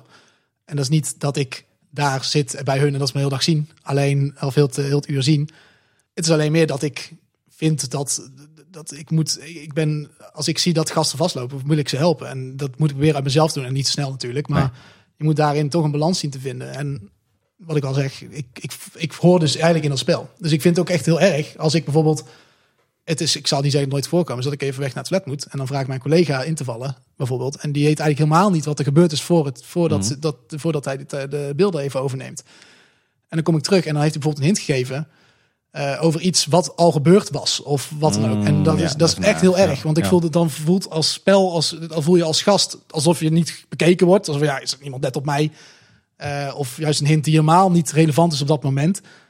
En dat, dat is toch wel een moeilijk moment. Snap je wat ik Ja, ik. Dus, dus je moet gewoon een lege anderhalve liter fles cola onder je desk Ja, hebben. nee, ik pak nu even als voorbeeld toilet. Maar je snapt, ook- je snapt wat ik bedoel. Ja. Maar je hebt het over veiligheid, een stukje brand snap ik. Maar gebeurt het dan ook wel eens dat mensen in paniek raken in zo'n kamer? Of dat er gewonden vallen, ik noem maar aan de dwarsstraat? Nou ja, er is bij ons, eh, ik ga op precies zeggen dat nooit iets gebeurd is. Eh, eh, wij hebben bij ons een regel dat je niet mag klimmen.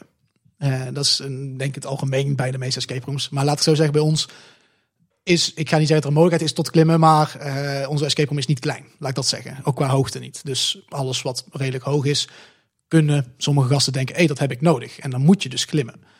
Het gebeurt nog wel eens dat mensen dat toch doen. Laat ik dat zeggen. En wij zeggen het niet voor niks. En wij vragen ook altijd vriendelijk als dat gebeurt. Niet, roepen nog even om over de speakers van hey, niet klimmen. Dat, eh, dat is niet de bedoeling. En dan stopt het soms. Maar het gebeurt helaas dat, dat mensen zoals doorgaan. En het is alles voorgekomen dat iemand eh ontere, of niet eh, goed terecht is gekomen. En dus niet verkeerd, uiteindelijk niet verkeerd afgelopen. Maar ja, het had echt heel verkeerd. Als het een centimeter of tien en ver naar links had gevallen, had het heel anders afgelopen. Laat ik dat zo zeggen. Dan eh, ben je als eigenaar, eh, loop je wel even te vloeken. Ja, nou, nou, wij hebben toen het spel, dat, dat, even dat bij te pakken. We hebben dat spel toen meteen stilgezet, op pauze gezet, eh, noodverlichting aan eh, en naar binnen gelopen. Van ja, we moeten wel, want Ja. Ja, nee, dit gaat alle grenzen te buiten. Ja, ja, ik snap en kijk, en daar, ja, dat, dat is ook een reden waarvoor we meekijken natuurlijk. Ja.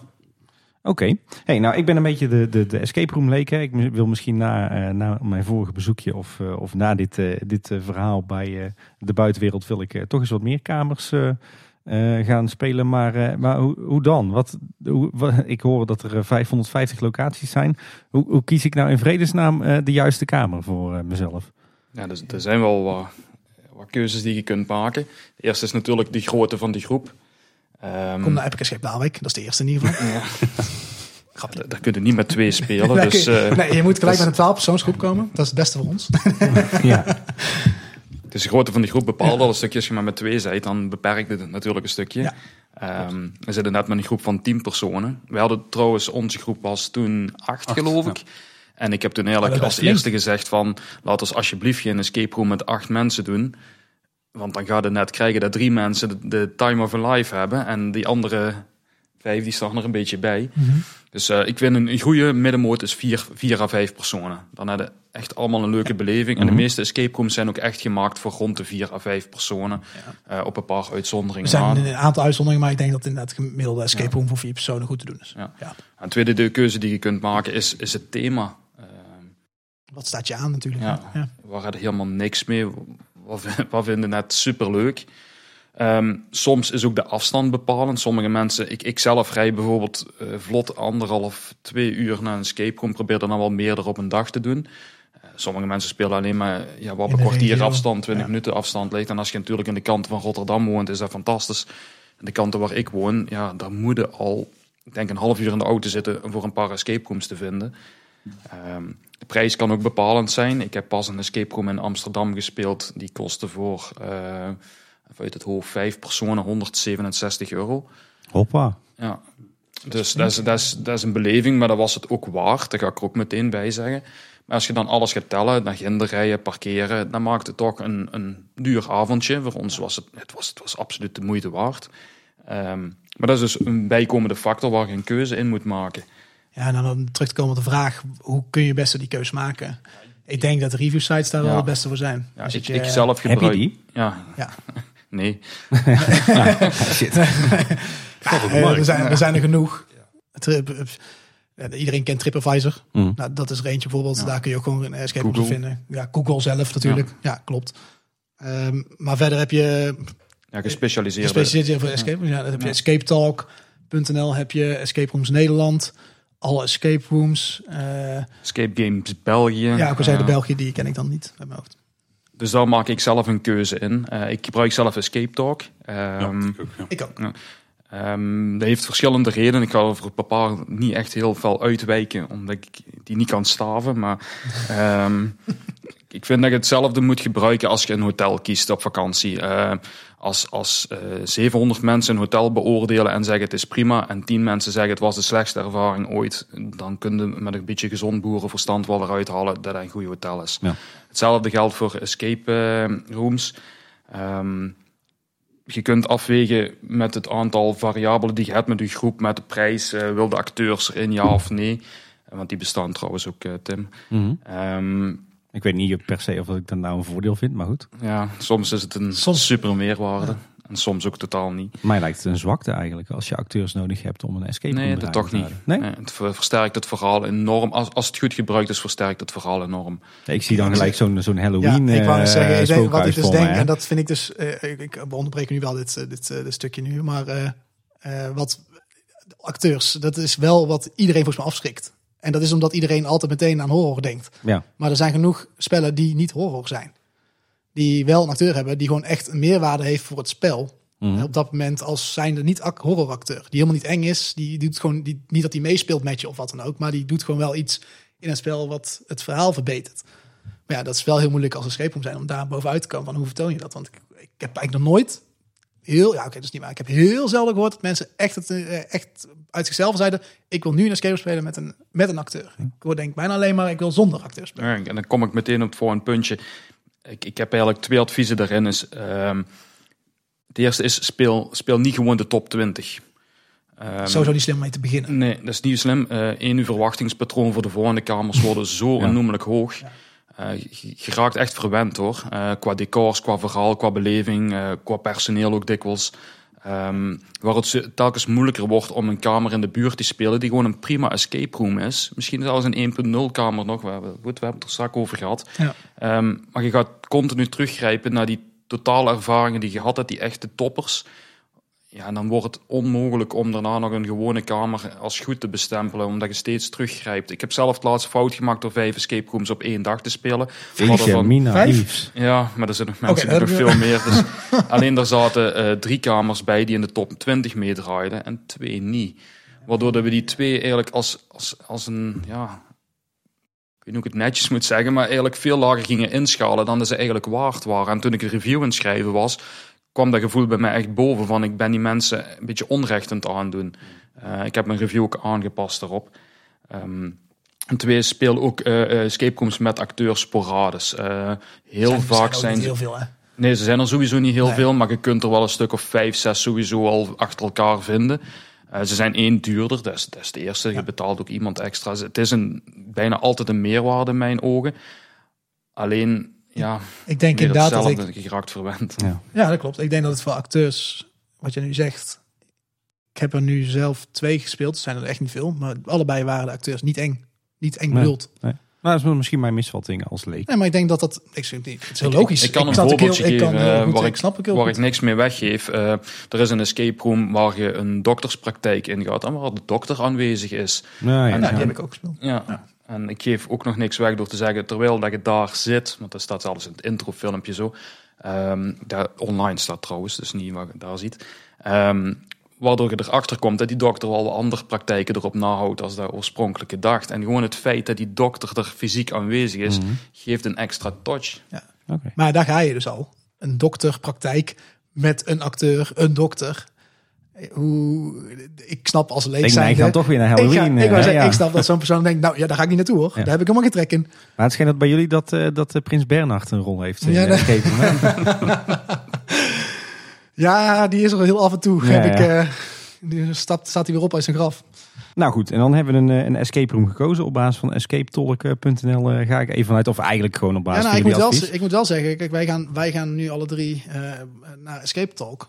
Maar ik moet wel zeggen, Escape Talk, ik vind het een hele goede review site. Ik absoluut maak er gebruik van. Maar ik denk dat wederom hierin het, het ding is, mensen die heel veel Escape spelen, gaan naar Escape Talk, want die kennen het.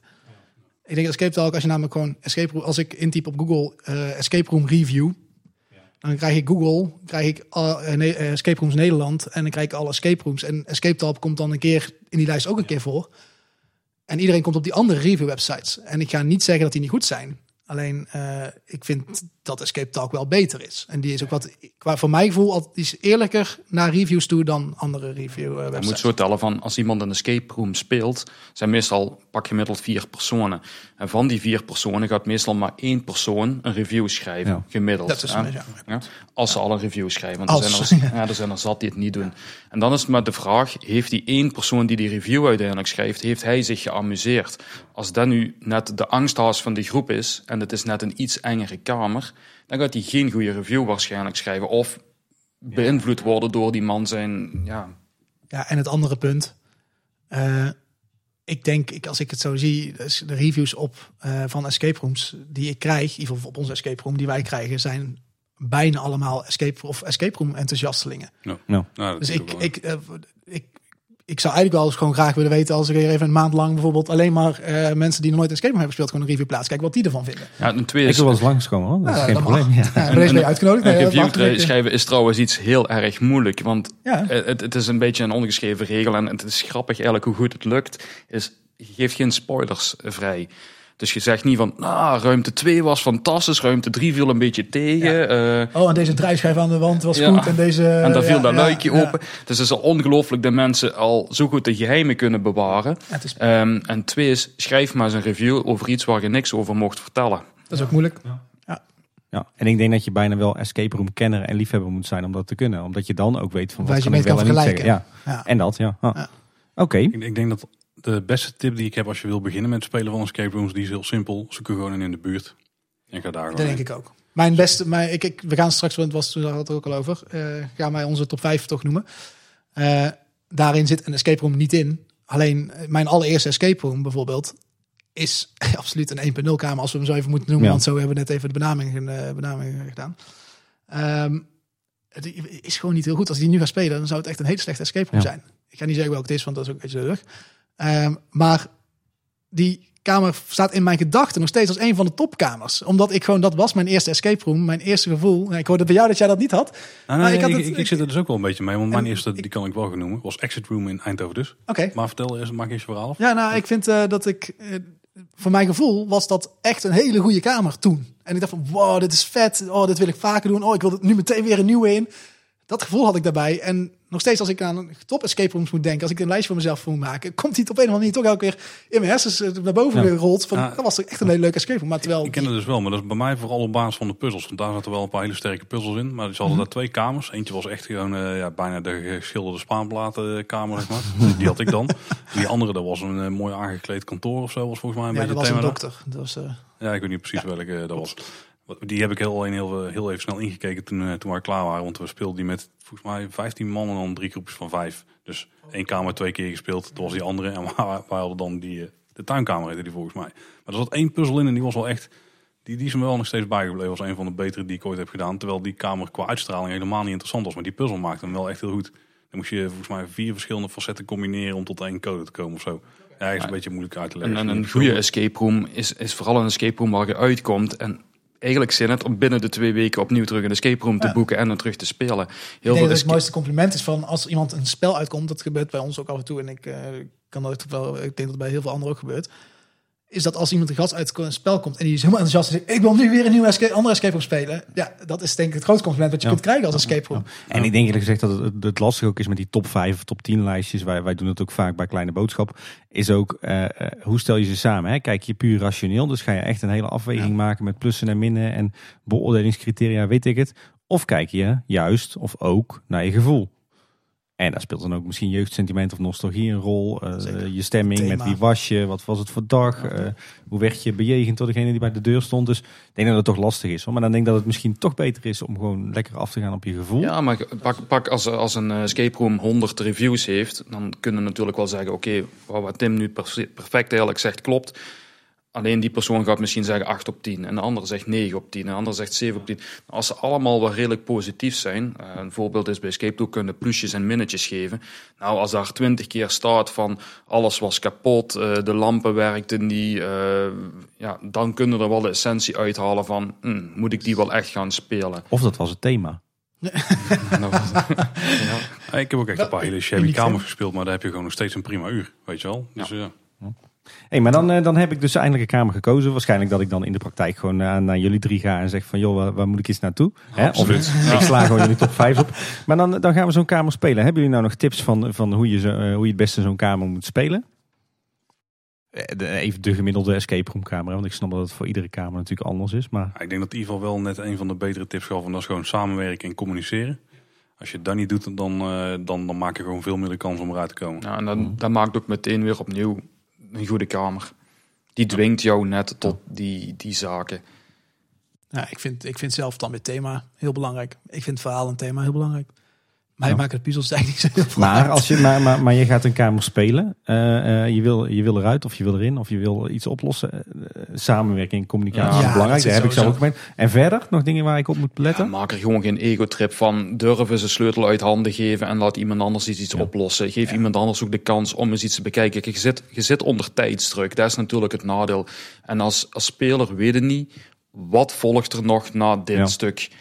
Is, zijn er nog 40 puzzels? Zijn het er nog twee? Moet ik nog acht ruimtes door of, of ben ik er al? Dus je zit continu onder die stress van ik wil hem halen, dat is één. En twee is ja, de tijd tikt af. Kijk, en als er dan iemand aan een eh, slotje zit te prutsen en die krijgt die cijfertjes niet op het lijntje. Ik heb met iemand gespeeld die gewoon niet wist waar het lijntje was. En dan zitten vijf minuten naar iemand te kijken eer dat hekje open is. Ja, dat is frustrerend, maar geef iedereen de kans om een beetje te genieten. Ten, slotte, je zit, je zit u aan het amuseren. Hè? Dus eh, het is, het is zo rap gedaan van kom, maar ik zal wel alles doen en iedereen alles uit zijn handen trekken. Ehm, maar uiteindelijk wil er toch uitkomen en met z'n vier of z'n vijf of met z'n tweeën misschien een leuke tijd hebben. Je mocht gerust weten, ik doe kamers met mijn vriendin en dat is, dat is, dat is een relatietest. ja, dat is Ja, absoluut ik snap hoor. hem. Ik snap hem. Ja. Ik denk dat het- wat wij altijd doen als we... Sowieso twee dingen trouwens. Luister goed, al, goed voor of naar de uitleg. Wat even heel belangrijk is vaak dat dingen die vastzitten, zitten gewoon vast. Dan moet je niet aankomen. Dingen met een stickertje, die doen niet mee bijvoorbeeld. Dat kan een regel zijn. Als je, dan moet je wel weten en dan moet je ook gewoon aan houden. Want dan, dan, dan heel veel opties, die sluit je al uit. Dus dat, Ja, dat, dat dingen overblijven- vast zitten of wat dan ook, dan weet je of ik dit heb ik eigenlijk Ja, daar nodig. moet ik gewoon Ja. niet aankomen. Ja. Ehm, en wat je ook nog vaak kunt vragen is van... Als je, is volgens mij een soort ongeschreven regeltje. In veel gevallen een voorwerp maar één keer hoeft te gebruiken. Ja. En daarna kun je hem gewoon wegleggen. Ja, tenzij anders aangegeven. Ja, dat is niet bij alle kamers inderdaad. Dus dat kun je vooraf wel vragen. En als ze dan zeggen, nee, dat hoeft niet. Als ze een beetje wazig zijn, dan moet je misschien wel vaker gebruiken. Maar als ze heel duidelijk zijn, dan is het gewoon, oké, ik heb die sleutel gebruikt. Of ik heb een stok ergens ingestoken. Of weet ik veel wat. Dat ding kun je gewoon wegleggen, heb je niet meer nodig. En wat wij altijd doen in het begin is gewoon even een rondje lopen. Iedereen pakt een hoek van de kamer.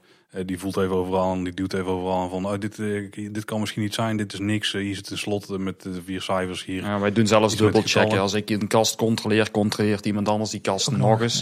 ja. Ja. En wij roepen alles tegen elkaar. Ik heb Ja. hier een slot met vier cijfers. Ik heb hier een rode knop. eh, Ja, maar dat is toch wel een kracht. Want ik, hoe vaak ik het wel niet zie dat niet gecommuniceerd wordt. Of wat je net ook al zei, een soort van ego-trip. Eh, iemand gewoon continu maar op één ding blijft hangen en er gewoon niet uitkomt. En Ja. niet af willen geven. Ook al bieden mensen het aan.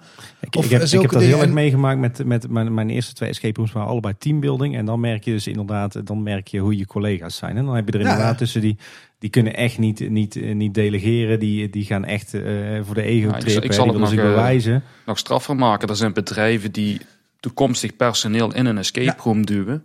Om te ik. kijken wie delegeert, wie werkt samen. En die krijgen ze dan op de juiste afdeling. Ja. Ik vind het wel slim.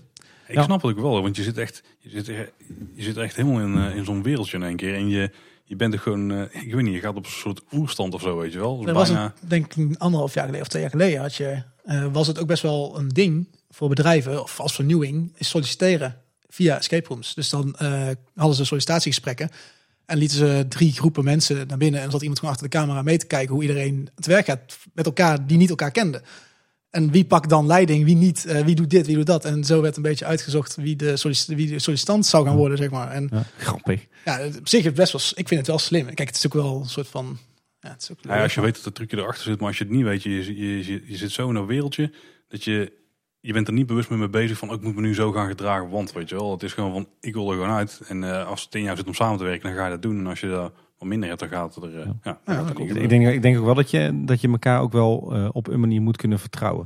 Ik denk als er veel vertrouwen is in de groep, vertrouwen in elkaars kunnen, dat je ook makkelijker loslaat en, en makkelijker samenwerkt. Ik, makkelijker ik weet ook dat er groepen zijn waar echt die altijd samenspelen, waarvan één persoon echt het rekenwonder is, de andere ziet heel rap logica. eh, en als je dan kun je echt blind vertrouwen. Wij spelen bijna altijd met wisselende groepen. dat is wel moeilijk. Dat is moeilijk, maar aan de andere kant dwingt, dwingt het ook, ja, maakt het ook leuk en dwingt het ook van laat iemand anders nou ook eens even aan, aan iets proberen. Ja. En eh, toen met, met Tim en Anne bijvoorbeeld, ja, dat was gewoon heel erg leuk.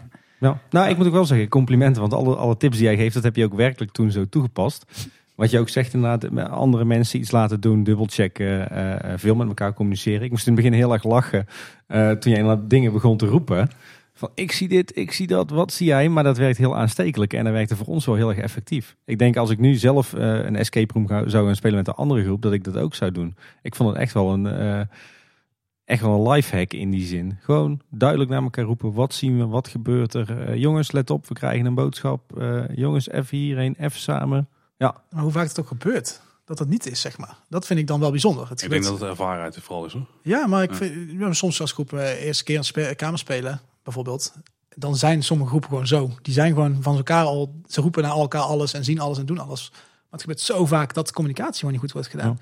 En ik vind eh, dat het belangrijk is bij een goede escape, of in ieder geval de goede manier om te spelen, is denk ik gewoon zoeken, doorspreken wat je hebt gevonden, eh, misschien nog verder zoeken en dan pas puzzels gaan oplossen. Niet meteen gooi je jezelf op puzzels, want vaak heb je gewoon extra dingen nodig die je later nodig hebt. Ja. Of die je, moet, die je gaat Ja, vinden. dat is inderdaad ook wel een goede tip. Ja, sta je niet blind op hetgeen wat je op dat moment hebt. Als jij eh, iets voor je neus hebt met vierkantjes, driehoekjes en rondjes erop. Die heb je nog nergens gezien en je kijkt een keer vlot om je heen en je ziet ze ook niet. Laat het dan gewoon even liggen. Die informatie krijg je later en dan kun je dat Ja. op dat moment verder. Ja, misschien ook als je ergens echt niet uitkomt, dan dat neerleggen en doorgaan met het volgende. En Ja, ze misschien noemen ook een stukje lineaire kamers en niet-lineaire kamers. Eh lineaire is het gewerkt stapje voor stapje af. En pas als die puzzel opgelost is, krijg je eigenlijk de, de mogelijkheid om de volgende puzzel op te lossen.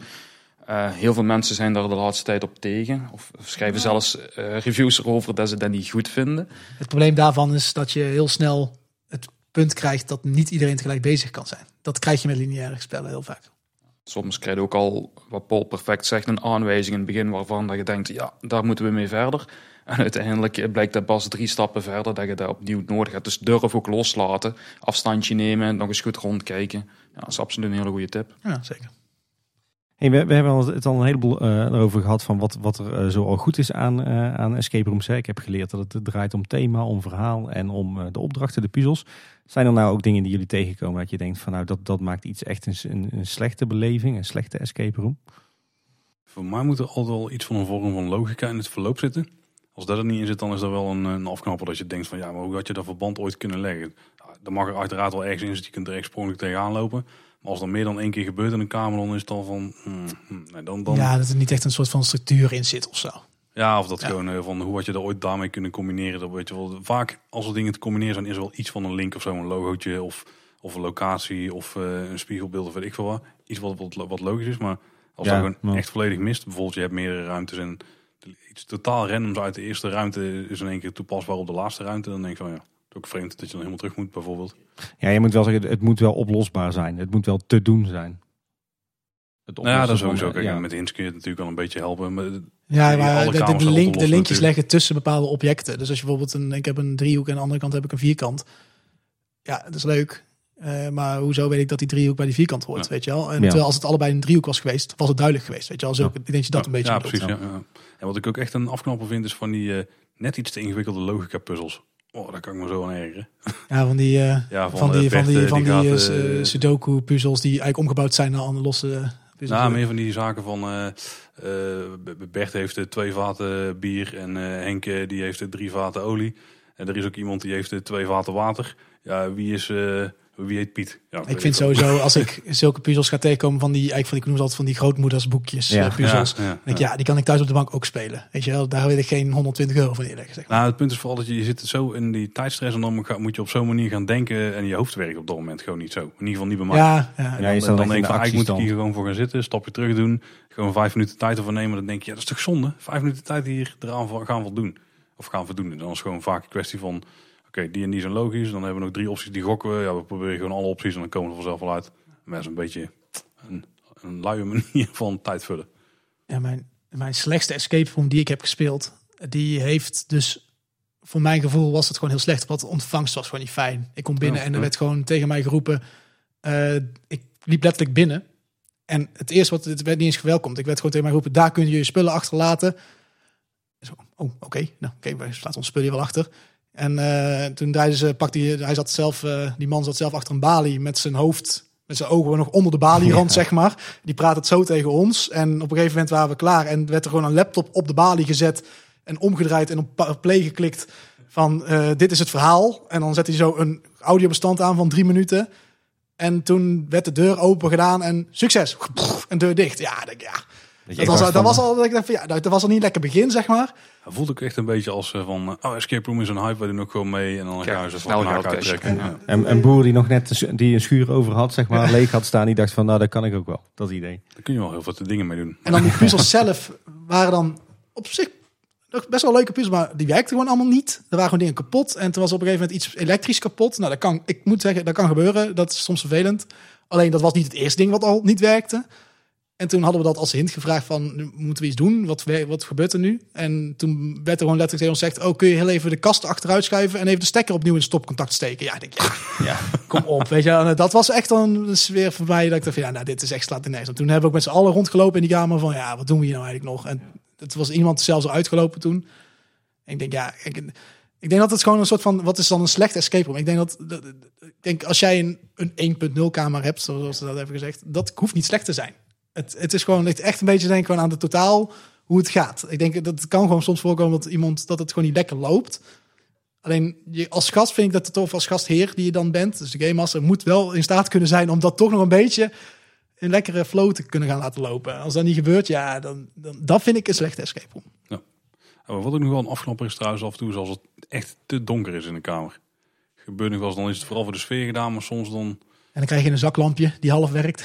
Nou, dat, als, je, als je al een lampje krijgt, dan kun je die in ieder geval nog gebruiken. Maar soms dan moet je een stuk papier lezen en dan, is het, dan, dan ik weet niet. Ik ben denk ik half nachtblind Ja. of zo. Voor mij is het eh, ongeïnteresseerd personeel, wat je net eigenlijk al aanhaalt. is Echt, eh, dat iemand achter jou op zit te volgen, dat je denkt, ja... Dat je al drie kwartier naar de camera zit te zwaaien van, eh, hallo, eh, is er Zit er nog eigenlijk al iemand? iemand? Ja. Ja. Ja. Ehm, puzzels die volledig gebaseerd zijn op geluk, daar heb ik het ook niet zo op begrepen. Eh, die niks met Logica te maken. ja, logica of kunde te maken hebben, dat gewoon eigenlijk random bijna is.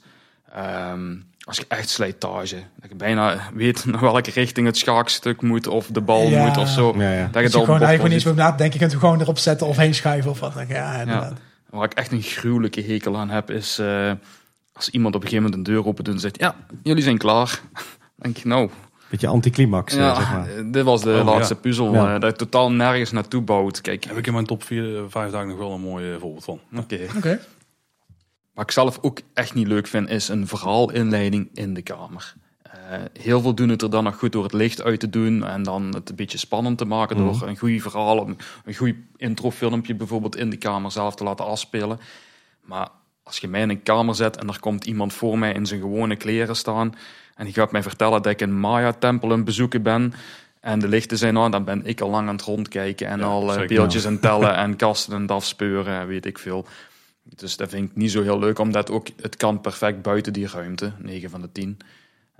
Vind ik eh, ja, een beetje jammer als Ik dat denk dat vaak ook Doet een, ook eh, afbreuk aan de beleving in het Ja, verhaal, absoluut. ja. Eh, het, het verrassingseffect van in de kamer komen is totaal weg. Tenzij, dat is het goed doen, ik heb het al een paar keer meegemaakt dat het wel in de kamer is, maar dan zijn alle lichten uit. En na de intro gaat dan ook het licht aan en dan pas krijg je alles mee. Maar dan is er ook echt over nagedacht. Ja, Ja, het komt dus ook wel eens voor, en dat vind ik dus heel vervelend, en dat werd straks ook al eens aangehaald, is dat er stickertjes op dingen worden geplakt met niet aanraken of eh, niet nodig voor dit niet spel. nodig voor dit spel. Of dat er gewoon vooraf Hang wordt het, dan, gezegd. hang het dan niet op of zet het dan niet neer. Wordt er, vooraf, ja. wordt er vooraf gezegd, eh, ja, er, hangt, eh, er is daar een groene klink, die mag je niet gebruiken. En ik, ja, dan weet, dan weet ik ten eerste al dat er een groene klink is. Dat vind ik al vervelend. En dan denk je, waarom is het er dan? En dan Ja, denk precies. maak dan je kamer niet zo dat dit mogelijk is. Ik vind dat zelf, vind ik, dat, vind ik, dat zijn echt ergernispunten die ik heel erg heb. Ik heb nog wel eens gehad dat er gewoon, er werd er van tevoren gezegd, eh, dat ding in de ruimte is geen onderdeel van het spel. Ja, en denk je, zet het dan dan niet neer. Maar, maar dan bleek uiteindelijk dat er dus wel iets, iets dat heb ik ook een op keer zat. meegemaakt. Dat je denkt, ah, maar dit was er geen onderdeel. Ik heb er niet eens naar gekeken, weet je wel. En dat, dat was echt heel slecht. Ja, ik moet Ja, zeggen, het gaat ik ver. Eh, bij ons in de escape room bijvoorbeeld eh, moeten wij tegen de mensen zeggen: het plafond hoort niet bij het spel. Ja. Eh, omdat anders mensen daadwerkelijk op de stoel gaan zijn. En mensen zien in alles iets. Op een, op een elektrokabel staat tekst. Sommige mensen gaan echt die kabel afspeuren, de kabelgoten opentrekken en, en kijken waar op die kabel geschreven staat. Ik vind dat wel interessant. Ja. Sommige dingen. Ja, absoluut. eh, Ik, kan wel, ik wil één spoiler over onze huidige kamer vertellen. Dat, vind ik, dat moet ik vertellen nu je dit vertelt. Ik vind het zo grappig. Wij hebben een bakje met water en er ligt iets in. En eh, je, die kun je er op een manier uithalen, laat dat zo zeggen. En dat wordt nog wel eens gedaan op een hele alternatieve manier, of hele bijzondere manieren. En eh, het ding wat daarin ligt, dat drijft niet. Eh, dus vandaar dat je ook in het water ligt. En het gebeurt nog wel eens dat mensen toch denken: als ik dat water eruit krijg, dan komt hij omhoog of zo. Ik weet niet wat dat is. Dat gebeurt met regelmaat. En eh, ik kan je vertellen, onze vloer heeft al heel veel water gezien. Want dat, er wordt echt van alles bedacht om te zorgen dat dat water uit het bakje wordt gehaald. En dat is niet, gebeurt niet één keer, dat gebeurt soms gewoon per week drie keer. En dat vind ik toch echt, ik vind het toch heel bijzonder dat dat, dat, dat gebeurt. Zit, zit toch iets van aantrekkingskracht in dan? Ja, nou, ik vind het toch bijzonder. En dat Ja. vind ik, wat vind ik wat je aangeeft met die kabel. Ik vind het juist heel, ik vind het wel leuk om te, te horen dat mensen dus zo creatief zijn om dingen te proberen te doen. En soms gaat het wel ver, maar Ik hoorde straks al Paul zeggen van eh, mensen worden een beetje terug primitief in zo'n kamer, een beetje terug naar het oerinstinct. Maar mensen schakelen ook een bepaalde logica echt uit. ja. Dat je af en toe denkt van, jeetje Christus, dat, dat, dat kan toch niemand bedenken wat je, wat je Ja. nu gaat zoeken. Maar toch, wat ik ook wel heel mooi vind, is als je dan een puzzel oplost en dat je gewoon voor je gevoel, want dat was volgens mij ook wat eh, jullie eerste gast zijn in jouw eerste aflevering van je, van je podcast, dat je een puzzel oplost op een manier waarvan je zelf het idee hebt, dit is niet hoe het eigenlijk de bedoeling was. Die hebben jullie ook eentje erin zitten. Die je ook op een alternatieve manier eh, oplossen. klopt. Wat, wij, wat wij ook hadden gedaan. Tenminste, er stond iemand heel lang te klungelen. Ik denk, nee, dit, gaat gaan wij ma- niet dit kan ik veel makkelijker. Dat klopt. Ja. En dan, dan, dan heb je het idee van, ik, heb, ik, heb de, ik ben de kamer er slim af geweest. Terwijl het vaak misschien ook wel bewust is. En dat is wel ook wel is- Ja, gebeurt, ja. Oh. Die gast, eh, onze gast toen, die gaf ook toen ook aan van eigenlijk vals spelen bestaat niet. Want dan had het als ja. eigenaar maar beter moeten maken. Dan zeiden ze echt gaan vernielen, eh, dan is het iets anders Nee, er zijn wel lijntjes je moet kleuren inderdaad. Ja. Nou, ik vind het wel, ik vind wel interessant wat je zegt, want er is inderdaad bij ons een effect of een, een spel, effect, een spel die je inderdaad kunt oplossen op eh, verschillende manieren. Ik, ik laat het zo zeggen, ik denk dat bijna iedereen die op een andere manier oplost dan dat die eigenlijk hoort te zijn. Bijna niet- ook niet te doen. Ja, hij is ook bijna niet te doen. Nee, daar, ben- daar ben ik het mee eens. Alleen, frustratie. er zijn heel veel mensen die dat dus niet leuk vinden. Er zijn heel veel mensen die dat echt als een soort van vals spelen zien. En die vinden dat echt niet interessant. Die vinden dat echt, als we dat als, soms moeten we wel eens hint geven eh, dat het makkelijker kan. Zeg maar even op deze manier. Ik heb het op de, ik heb het zelfs van op de makkelijkere manier heb ik nog De makkelijkste. gemaakt. Oh, de ingewikkelde. maar Oké, ja, dat kan. Ja, er zijn veel wegen naar Rome bij die puzzel, laat ik dat in ieder geval zeggen. ja, ja, en, eh, maar eh, ik moet wel zeggen, dat sommige mensen vinden het dus heel interessant. Of heel eh, irritant dat dat, dat kan. Ah, nee, ik vind het wel tof. Ik heb ook wel vaker gehad, dan was een of andere ingewikkelde puzzel waarbij je iets op een bepaalde manier ergens uit moest halen. En die heb ik gewoon gebroedvorst. ik heb gewoon geprobeerd en op een gegeven moment was het gewoon gelukt. Oftewel, niet, als, als, als bouwer van escape room moet je zorgen dat je hufterproof bent, Ja, maar ja, ook ja. nerdproof. Eigenlijk. Ja, nou ja. Nou ja. Ik vind, ik vind, ik vind de nerdproof, ik vind, juist, ik vind het juist heel leuk als je op verschillende manieren dingen kunt oplossen. Het hoeft niet altijd de straight-on manier te zijn. En als jij voor jezelf een manier bedenkt om het op te lossen en het lost, en het lost op, oké. En, anders, en anders had het escape room eigenaar het niet moeten maken. Ja. En ik, escape ik neem de volgende keer mijn Recipro-zaak mee eh, escape room jullie. Ik, ik moet ook zeggen, escape room eigenaren maken ook gebruik van, eh, van testgroepen. Eh, Ja. meer en Ja, meer eh, om te testen van, is- Ja, leuk. werkt het wel allemaal zoals we het bedacht hebben. Dus, Dat is ook wel belangrijk natuurlijk. Ja. Hey, en we zitten nu op de Escape Room 3.0. Is, wat is de toekomst van de Escape Room? Is er ook al een Escape Room 4.0 dat jullie weten? Of welke kant gaat het op? Ik denk als je dat weet, dan heb je hem al gemaakt. Ja. Ik weet je, ik, ik denk niet dat dat 4.0 zal zijn. Ik denk dat er wel een toekomst is in het geval dat je ehm, eh, dat er een manier gaat komen. Zo denk ik in ieder geval. Het bestaat eigenlijk al dat je meerdere spelruimtes tegelijk kunt doen. Dus dat meerdere gasten tegelijk Mhm. bezig zijn. Ik denk dat technisch voor een escape room dat heel interessant is. Want wat je al bij het begin al aan hebt gegeven, we huren een ruimte voor één groep. En die zijn dus in principe best veel geld kwijt voor die ene groep, voor die ene spel. Omdat zij gewoon letterlijk anderhalf uur lang een, een ruimte reserveren. Als je een manier kunt bedenken dat het niet opvalt voor de gast en dat het ook goed gewoon werkt. eh, dat je dus meerdere kamers hebt of wat dan ook, of eh, meerdere spellen, waardoor je dus meerdere groepen achter elkaar kunt laten spelen. Ik denk dat dat wel een potentie heeft. Ja, ik heb wel volgens mij van kamers gelezen in de Verenigde Staten dat je steeds ongeveer volgens mij 10 minuten per kamer hebt. Als jij de eerste kamer uit bent, die bent een uur bezig, maar dan na volgens mij vijf minuten zit er alweer een nieuwe groep in. Nou, Ja. gewoon Ik continu moet wel zeggen, dat het, ik, vind, ik moet zeggen, dat het is heel moeilijk. Want er, er zijn kamers die dat proberen en die doen het op een verschri- verschrikkelijke manier. Want dan word je gewoon gepusht eh, door, zeg Ja. maar, door te Ja, gaan. je krijgt op een gegeven moment letterlijk de codes gewoon van... Duw nu deze code op dat kastje in Ja. en ga naar de andere ruimte, want de Ja. tijd is gewoon weg op. Ja, nou, Dus, eh, Ik, ik, denk als daar, ik denk dat daar ook nog wel iets in te winnen is. En dat is aan onze escape room eigenarenkant. Hoe gaan wij ervoor zorgen dat het interactiviteit beter of go- eh, goed wordt? eh, en ook dus de, de, de, de doorloop van het spel. En ik denk als je als escape room daar een goede manier in kunt vinden, dat je ook dat de gast niet het idee heeft dat hij doorgepusht wordt, maar dat wel daar eh, meer eh, eh, wegen in zijn. Mhm. Ja, dat is voor een gast natuurlijk heel interessant. Ja, ik ben het er deels wel mee eens. Ehm, je ziet ook, de evolutie is ook meer van... ehm, buiten de escape room gaan we een totaal pakket proberen aan te bieden. Dat wil zeggen, misschien gaan we er bowlingen aan koppelen... of lekker uit eten met daarna een escape room. En dat gaat inderdaad wel een stukje de toekomst worden... dat voor standalone kamers met één of meerdere kamers... heel moeilijk wordt om nog mee te draaien aan die, aan die top... om echt ervan te kunnen leven. Ehm, de kamers vandaag de dag, die 3.0 zijn, zullen we het daar dan maar even op houden. Vergis u niet, dat zijn kamers tussen de 100 en de 300.000 euro. Dat kan echt niet elke escape room eigenaar opbrengen. En de tweede vraag is, en ik weet zelfs dat er discussies over gaan van, heb ik daar nog wel zin in om die bedragen aan een escape room uit te geven? Wetende, als ik open ga en er staat één dingetje niet goed, dan krijg ik negatieve reviews. Ja, of, en of word, ik- geen word ik tien meteen onderaan de ladder gezet, waardoor Voilà. je dus eigenlijk niet genoeg gasten krijgt. Ik, Ja. ik kan een, een verhaal vertellen. De Dome in Nederland eh, he- heeft zijn kamer... Daar ga ik over twee weken heen. Oké. Oké, we zullen niet te veel is, is een, eh, is een 3.0 kamer. En wat die mensen daar neergezet hebben is fantastisch. Wat is er gebeurd? Die mensen zijn open gegaan en er zaten, zullen we zeggen, een bepaald aantal kinderziektes in. Die mensen hebben dat fantastisch opgelost. Die hebben er niet uitgehaald. Maar ondertussen regende het reviews van mensen die zeiden, nou we betalen 160, 165 euro Ja, voor een kamer. kamer, ja. We hebben een hoog verwachtingspatroon. Het wordt niet volledig waargemaakt, waardoor die kamer eigenlijk een cijfer kreeg waar het tot op de dag van vandaag Ja. last van heeft. Ja. Ja. Terwijl dat die beleving nu wel waarschijnlijk helemaal in orde is. Ik moet hem zelf nog spelen, dus ik speel even puur uit de ervaringen die ik lees. Maar ik heb er al genoeg mensen over gesproken die zeggen, nou wat ze daar neergezet hebben is Disney-niveau. Ja. Ik wou zeggen, ik heb hem gespeeld de eerste week dat hij open ging. Bij mij werkte wel alles, maar ik heb heel en het was echt een geweldig, geweldig spel. Die staat bij mij ook in de top 5. Komt hij langs. Ehm, maar ik heb heel veel mensen gesproken dat de dingen gewoon niet goed werkten. En dan snap ik dat dat spel, laat het zo zeggen, ik ga niet te veel spoilen, maar als er daar iets niet goed werkt, dan ligt gewoon heel je spel plat. Daar is echt geen mogelijkheid toe om dat op te vangen als eh, spel zijnde, eh, om dat eh, goed te kunnen oplossen. Nou, oftewel, als je een escape room opent of een nieuwe kamer, zorg dat die uit en daarna getest is. En begin eh, bij wijze van spreken met een soft opening zonder geld te vragen. Ja, dat zijn die testgroepen dan eigenlijk voor. Ja.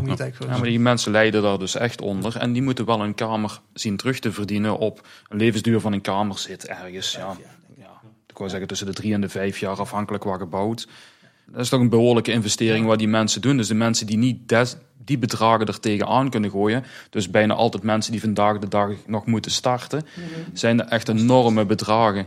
Ik schrik daar wel van hoor. Ik denk ook dat ik denk dat ook nog maar weinig starters zijn die zonder een extern iets eh, erbij te hebben nog een escape room zullen openen. En als ze het zullen openen, ik gun het ze alle, alle ik gun ze alle paden, maar ik denk dat er heel weinig eh goed Dus met één kamer beginnen is sowieso al een stuk moeilijker. Je kunt kleinere groepen aan. Uh, Ja. Je moet toch je pand, toch de stroom, toch de Ja. verwarming Ja. betalen. De hele infrastructuur blijft bijna hetzelfde.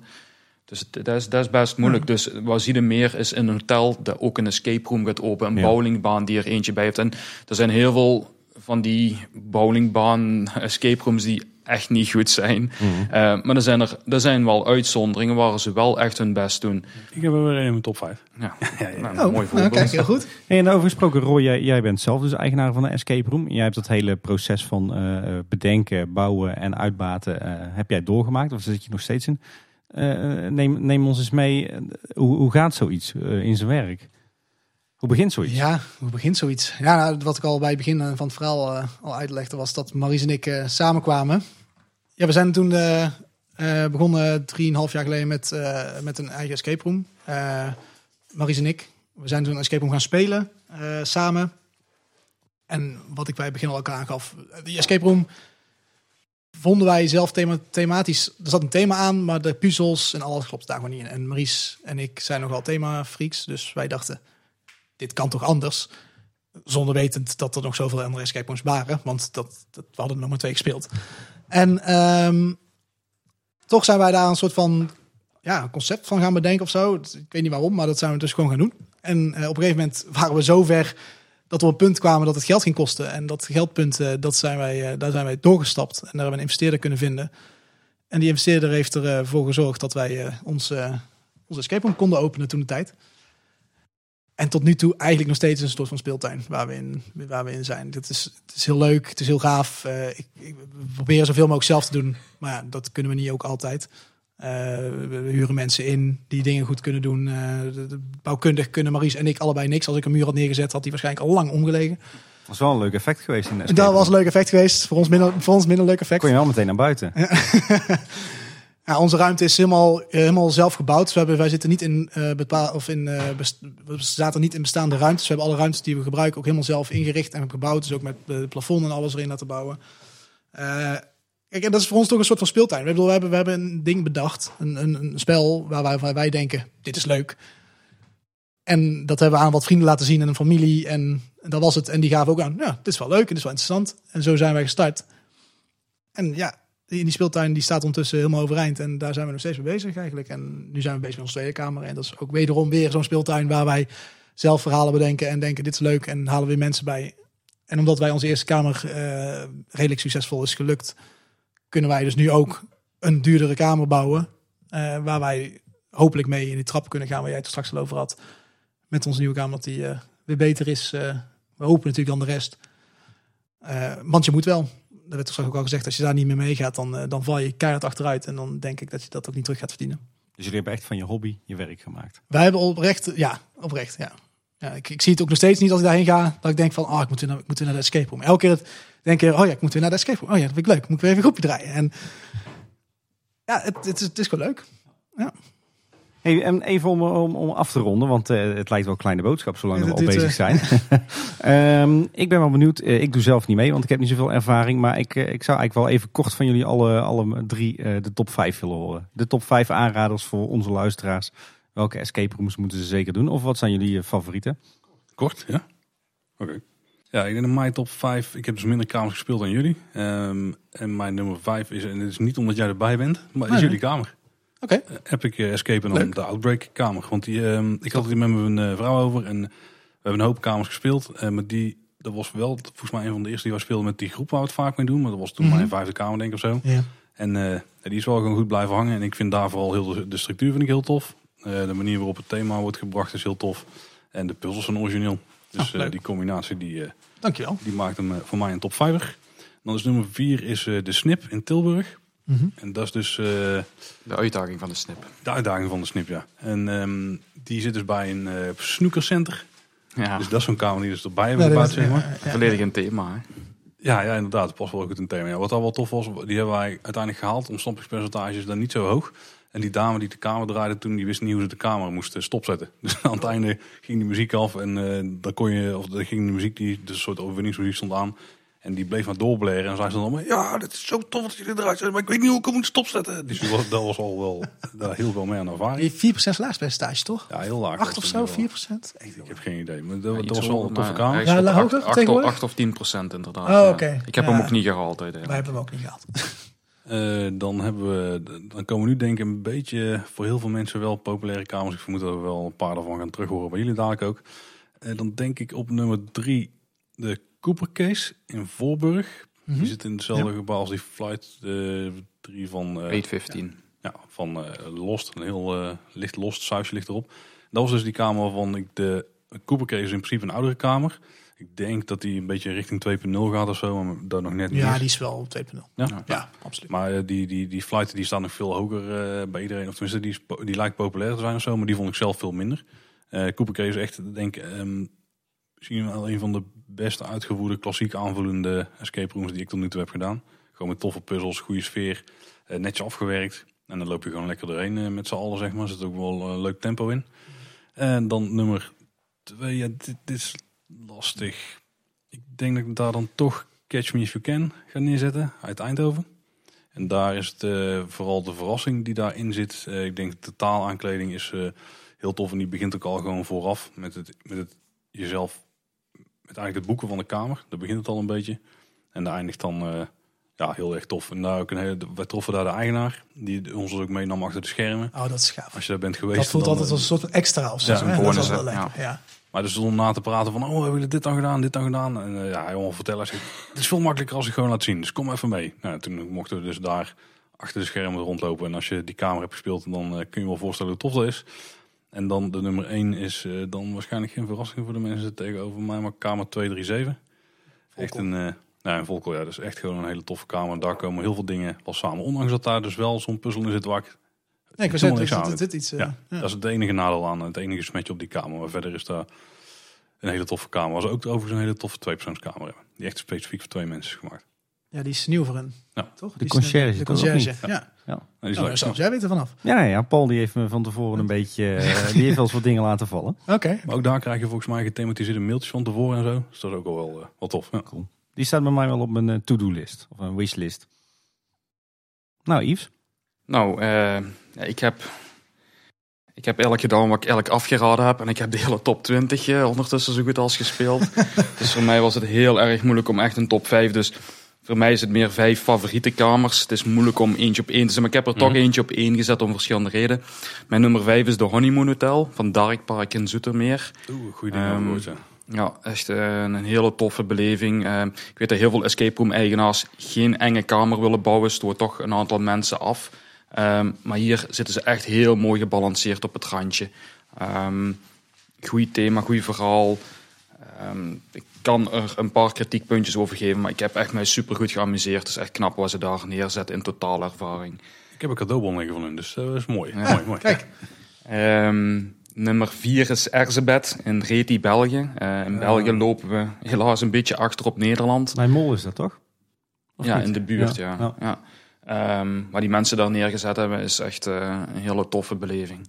Ehm, qua geluid, qua, qua sfeersetting, alles. Echt een van de toppers. In België zitten er nog een paar. Eh, ik vind het jammer dat ik geen top 20 kan maken, want daar stonden ze allemaal. maar, ehm, maar echt, eh, echt een, iets om trots over te zijn in ons, eh, in ons Belgenlandje. Op nummer 3 bij mij staat kamer 237 ook. Ehm, ik heb hem niet op nummer 1 gezet, maar heeft een, heeft een reden. Maar ehm, echt een, een, een kamer die qua totaalbeleving het bij mij vooral deed. met, een, met een enorm verrassingseffect. Ja, wat Stefan en zijn mensen daar gemaakt hebben, is ook eh, ja, echt. Je kunt er niks mee missen. Stuur er iemand naartoe en die komt blij terug. Ik heb Ehm, pas deze week ontdekt, of de link gelegd eh, van, van het kamernummer, waar dat dan vandaan komt. Dat heeft echt Ja. heel lang geduurd dat het een kwartje viel. Maar Want, dat is eh, vast een spoiler. hey, of, ik, eh, ja, nou, ik zou een hele goede hint kunnen geven. Als je heel goed de flyer van hen leest, dan vind je het er ook uit. Ja, staat dat erin? Ja. Is dat een hele leuke puzzel. Leuk. Ah, dus als je de flyer van Kamer 237 gaat kijken, daar zit een puzzel in verwerkt. Waardoor je achter kunt komen waar het over gaat.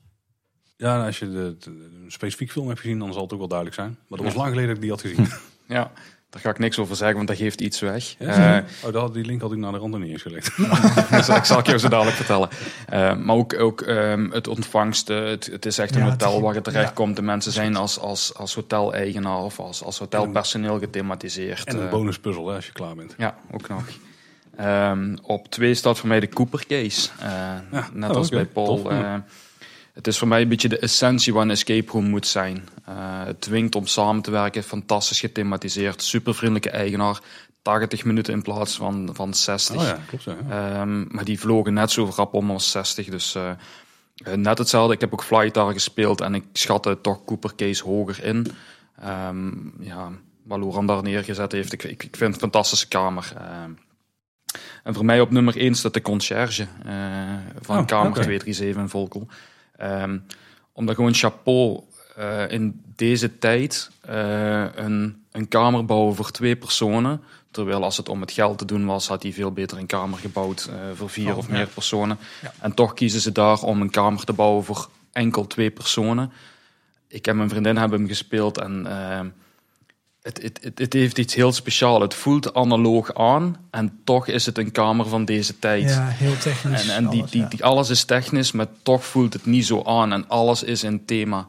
Eh, ik weet dat er hier en daar ook wat kritiekpuntjes zijn, maar nee, ik, ik, ik heb me gewoon super met mijn vriendin geamuseerd. En ik geloof dat ik 75 minuten krijg in plaats van 60. Ja, het ligt een beetje aan. Je hebt één stuk, daar kun je wel langer over doen. Ja. Volgens mij, ja, dat is niet helemaal duidelijk. Ja. Ja, ik, ga er, ik kan er niet te veel over vertellen, dan geef ik dingen weg. Maar gewoon die totale ervaring, eh, die je betaalt, ik dacht 40 euro per persoon. Ja, dacht dat zoiets. 80 euro kost. Overigens hebben die wel een hele goede manier om het verhaal te vertellen erin eh, zitten, vind ik. Ik, eh, ik hoor in ieder geval mannen dat ik eh, een keer naar Volkom moet Ja, absoluut. eh. Ja. Dus die is voor mij nummer één. En als ik er eh, eentje mag op Tim gewijzen, mag tussensmokkelen. De eervolle de vermelding. eervolle vermelding. Dan wil ik toch even die end in Zoetermeer vernoemen. Ehm, ik heb hem niet in mijn top 5 gezet, omdat zij, zij, zij, zij zijn zelf ook heel eerlijk. En ze zeggen ook, het is eigenlijk geen escape room. Het is een beleving. En ik heb die beleving daar ook gehad. En ik, ik schaal hem ook niet hetzelfde in als een echte escape room. Ehm, omdat er niet genoeg puzzels aanwezig zijn. En daar, daar mikken zij ook niet op. Ze zijn gewoon heel eerlijk ook daarin. Ehm, ik heb hem gespeeld, ik heb mij fantastisch geamuseerd. Ja, er zit een acteur in, dat is, dat is geen geheim. Ehm, maar er zit gewoon een, een geweldige plot twist in. Waardoor iedereen die van escape rooms hem gespeeld moet hebben. Alleen je moet hem niet gaan vergelijken met gewone normale kamers. Met goede puzzels, een goed verhaal. Eh, het staat er gewoon buiten. Eh, maar fantastisch wat ze daar gebouwd hebben. Ja. Ja.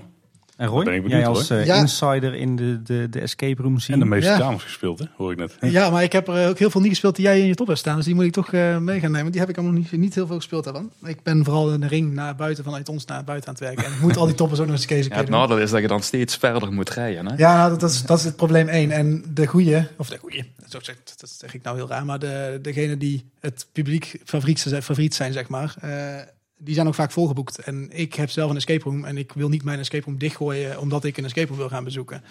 Dus ik wel heel vaak last minute en dat is nog vaak een probleem bij escape rooms. Dus eh, vandaar dat ik nog heel veel favorieten moet spelen. Ik heb voor mezelf eigenlijk een, eh, een, top 6 opgeschreven. Ik begin gewoon bij mijn 5.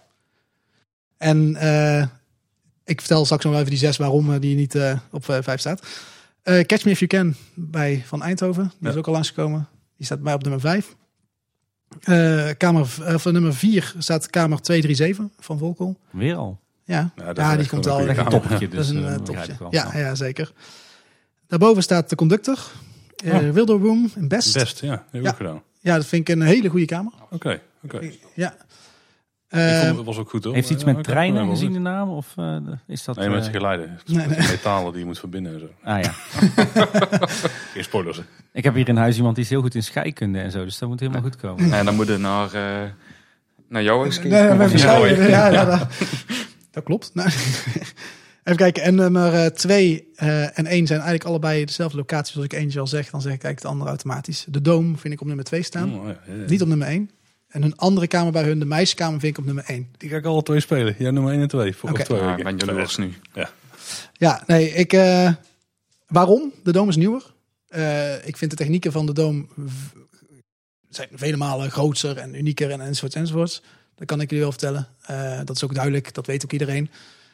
Maar ik vind de, hoe ze de storytelling van de, van de meisjeskamer, eh, die kamer is ondertussen, dat het is niet de allereerste kamer van Nederland, maar dat was wel een van de eerste S-kamers van Nederland. Ze hebben daar de lab- het laboratorium, dat is hun eerste kamer en dat was ook de eerste escape room van Nederland. die heb ik al gespeeld, ja. Dat was ook een leuke kamer. Ja. Ja, eh, vond ik een hele goede standaard die ze daar hebben neergezet. Overigens, voor als eerste escape room van Nederland te zijn. In ieder geval hun beweren eerste escape room van Nederland te zijn. Nummer twee, daar pakken ze heel goed op terug. Eh, ook al is het horror, dus je moet je, het moet je, op, eh, het moet je aangaan. Het moet, moet je, het moet je, je moet het leuk vinden. Alleen ik vind hoe ze daar storytelling gewijs mij door een horrorfilm heen leiden, vond ik echt heel goed. En dat heb ik heel weinig meegemaakt bij andere escape rooms.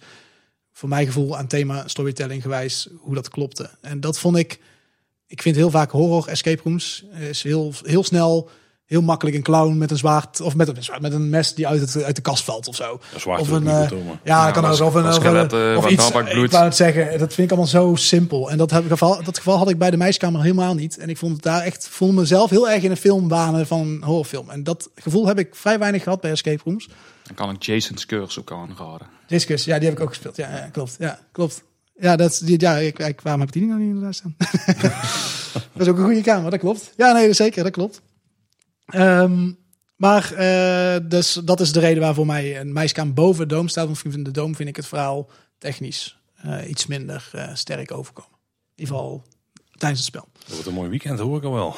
Oh, je gaat hem dit weekend spelen? Nee, of twee weekend. Uh, twee, twee, weekend, twee weken, Oké, nice. Heel goed. Nee, dat zijn, ik vind het in ieder geval leuke kamers. Voor mij staan ze hoog. Ehm, ja, en dan heb ik dus die nummer 6. Dat is voor mij Escape in Belgium, reed die. Eh, ik vind het een hele goede kamer. Zijn, ik vind het een hele goede, ja, ik vind gewoon een hele goede kamer. Daar Ergens. Wat ik nogmaals, jij begon er ook al over. Ik had hier ook net zo goed een top 20 of een top 40 van kunnen maken. Want Ja, ze verdienen het allemaal. ze, ja, dat is het probleem. Ze staan allemaal heel hoog. Alleen, je- waar ga je dan de grenzen trekken? En voor mijn gevoel zegt dat deze vijf voor mij het speciale gevoel hebben gegeven tijdens het spelen. ja, maar dan moet ook, ik denk, ik denk dat je dit soort lijstjes echt gevoelsmatig moet maken. Ja, ik denk Ik ook vind- op Escape Top staat een, staat een top 20 van Nederland slash België. Ehm, welke dat je er ook uitkiest, dan zit het altijd goed. Maar speel die met mate en, en pak er die af en toe uit en had een fantastische beleving. Ja, en wisselen zeker. ze gewoon goed af. eh. Zeker. Ja, ja daar, daar, voor mij staat zes. eh, dus Escaping eh, Belgium, Erzbet. Nou, ik denk dat we deze aflevering een, eh, een heel mooi, eh, ja, wat zal ik zeggen, spoedcursus escape room eh, hebben gedaan. Nog een kleine afsluitende vraag, eh, ook een beetje om mij en de leek te overtuigen. Wat is voor jullie nou, in, eh, nou, laten we zeggen in één zin, de magie van het escape room spelen? Oh, één zin. Maar was dit niet, eh, deze twee uur, was dat niet gewoon eh, weer dan genoeg? Was, Nou ja, dat mag ook, dat mag ook. nee, ik... eh Oeh, de magie. Ehm, Ja, ik denk dat je, dat je jezelf gewoon even helemaal kan verliezen, helemaal kan focussen op iets. En je nergens druk om hoeft te maken, behalve dat doel van het uit die kamer komen. ja, ik denk inderdaad de wereld even, even de realiteit uitstappen. En met een x aantal mensen waar ik hopelijk dat je mee naar binnen gaat, die het ook heel leuk vinden. Een, een ervaring hebt, denk ik. Ja, Even net, buiten de leek, net leek een goede dark ride. Ja, Gewoon even maar voor een uur. de werkelijkheid vergeten. ja, voor een uur. Maar ja. voor een uur. De telefoon Ja, weg. En kijk, je moet ook je onder laten dompelen in het verhaal. Als je daar gaat staan en je zegt, ja, dit kan niet en dit bestaat niet. Ja, dan, dan lukt het nooit. Eh, maar gewoon ondergaat en, en, en geniet gewoon van het uur. Ja, zeker. Nou, Genieten, top. dat is het enigste. Jullie hebben mij overtuigd. Nice. Nou, alleen nog een beetje extra vrije tijd eh, vinden om een escape room te spelen. Ja, maar dat komt Nou, goed. Wat doe je dit weekend? Heel veel. Hey Yves, als mensen eh, eh, zijn aangestoken nu, eh, of ze hadden het escape room virus al, eh, dan moeten ze jouw podcast gaan volgen. Hè? Ja, dat waar, mag. waar kunnen we die vinden? Eh, jullie kunnen die vinden op www.behindthe60minutes.be. Dat is onze website. Ehm, wij zitten ook op iTunes, gewoon Behind the 60 Minutes. En op Spotify, Goeie naam. Achter, achter de 60 minuten. hè? Ik vind hem goed. Ja. Ehm, en verder zijn wij op Instagram en eh, Twitter ook te vinden. Op Twitter is het Behind the 60, want die lieten maar 15 tekens toe. Eh, en op Instagram is het ook Behind the 60 Minutes, net hetzelfde als op Facebook. Dus eh, we hebben onze eerste aflevering online staan. Eh, volgende, we gaan één aflevering per maand eh, doen. Er komen wel bonusafleveringen aan, maar daar willen we het een beetje op houden. En, eh, Wij- wij zijn veel te, te hard voor onszelf, Paul. Met iedere week een aflevering. Nou, ik- het kan goed zijn dat de tweede aflevering wel uitsteekt de tijd dat deze uitkomt. Want het gaat wel even... ja, onze, wij mikken rond de 14e december eh, met Down the Hatch uit te komen. Ah, Dus, dat eh, moet wel lukken daarvoor. Ja. Oké. Hey, en Roy, als mensen jou, eh, meer over jou en Maurice eh, en jullie eh, werk willen weten, als ze jouw escape room eh, willen bezoeken, waar moeten ze dan naartoe? epicescape.nl Of wederom ook op Facebook of Instagram of wat dan ook. Als je Epic Escape intypt, dan eh, kom je eigenlijk alleen bij ons uit. In ieder geval, dat is eh, tot nu toe wel zo gebeurd. Ik hoop niet dat iemand anders nu in één keer Epic Escape begint. Want dan, Dan eh, als Escape Room Waalwijk, als je erin tikt. of dan, Escape Room Waalwijk, dan kom je eigenlijk ook wel bij ons uit. Ja. Ja. Nou, Paul, en als mensen meer van ons willen weten, Ja, dat is En lekker willen horen. onhandig, want wa- dit is natuurlijk de buitenwereld. Maar als je ons wil volgen of meer eh, contact of zo wil opnemen, ja, dan moet je toch via Kleine Boodschappen ons eh, benaderen. Dan kun je naar kleineboodschap.com, daar hebben we een contactformuliertje. Kun je ook alle oude de buitenwereld afleveringen vinden. Eh, op Facebook en Instagram, daar zijn we Kleine Boodschap. Ja, en op Twitter, ons hoofdkanaal, zijn we @kboodschap. En eh, ja, goed, op kleineboodschap.com vind je dus zowel onze afleveringen van Kleine Boodschap zelf over de Efteling en de wereld rond de Efteling. En onze afleveringen van de buitenwereld over eh, alles wat eh, weinig tot niks met de Efteling te maken heeft. Nou, bedankt voor het luisteren. Dat was ze weer. En tot de volgende keer. Houdoe. Hallo. Houdoe. Houdoe waar.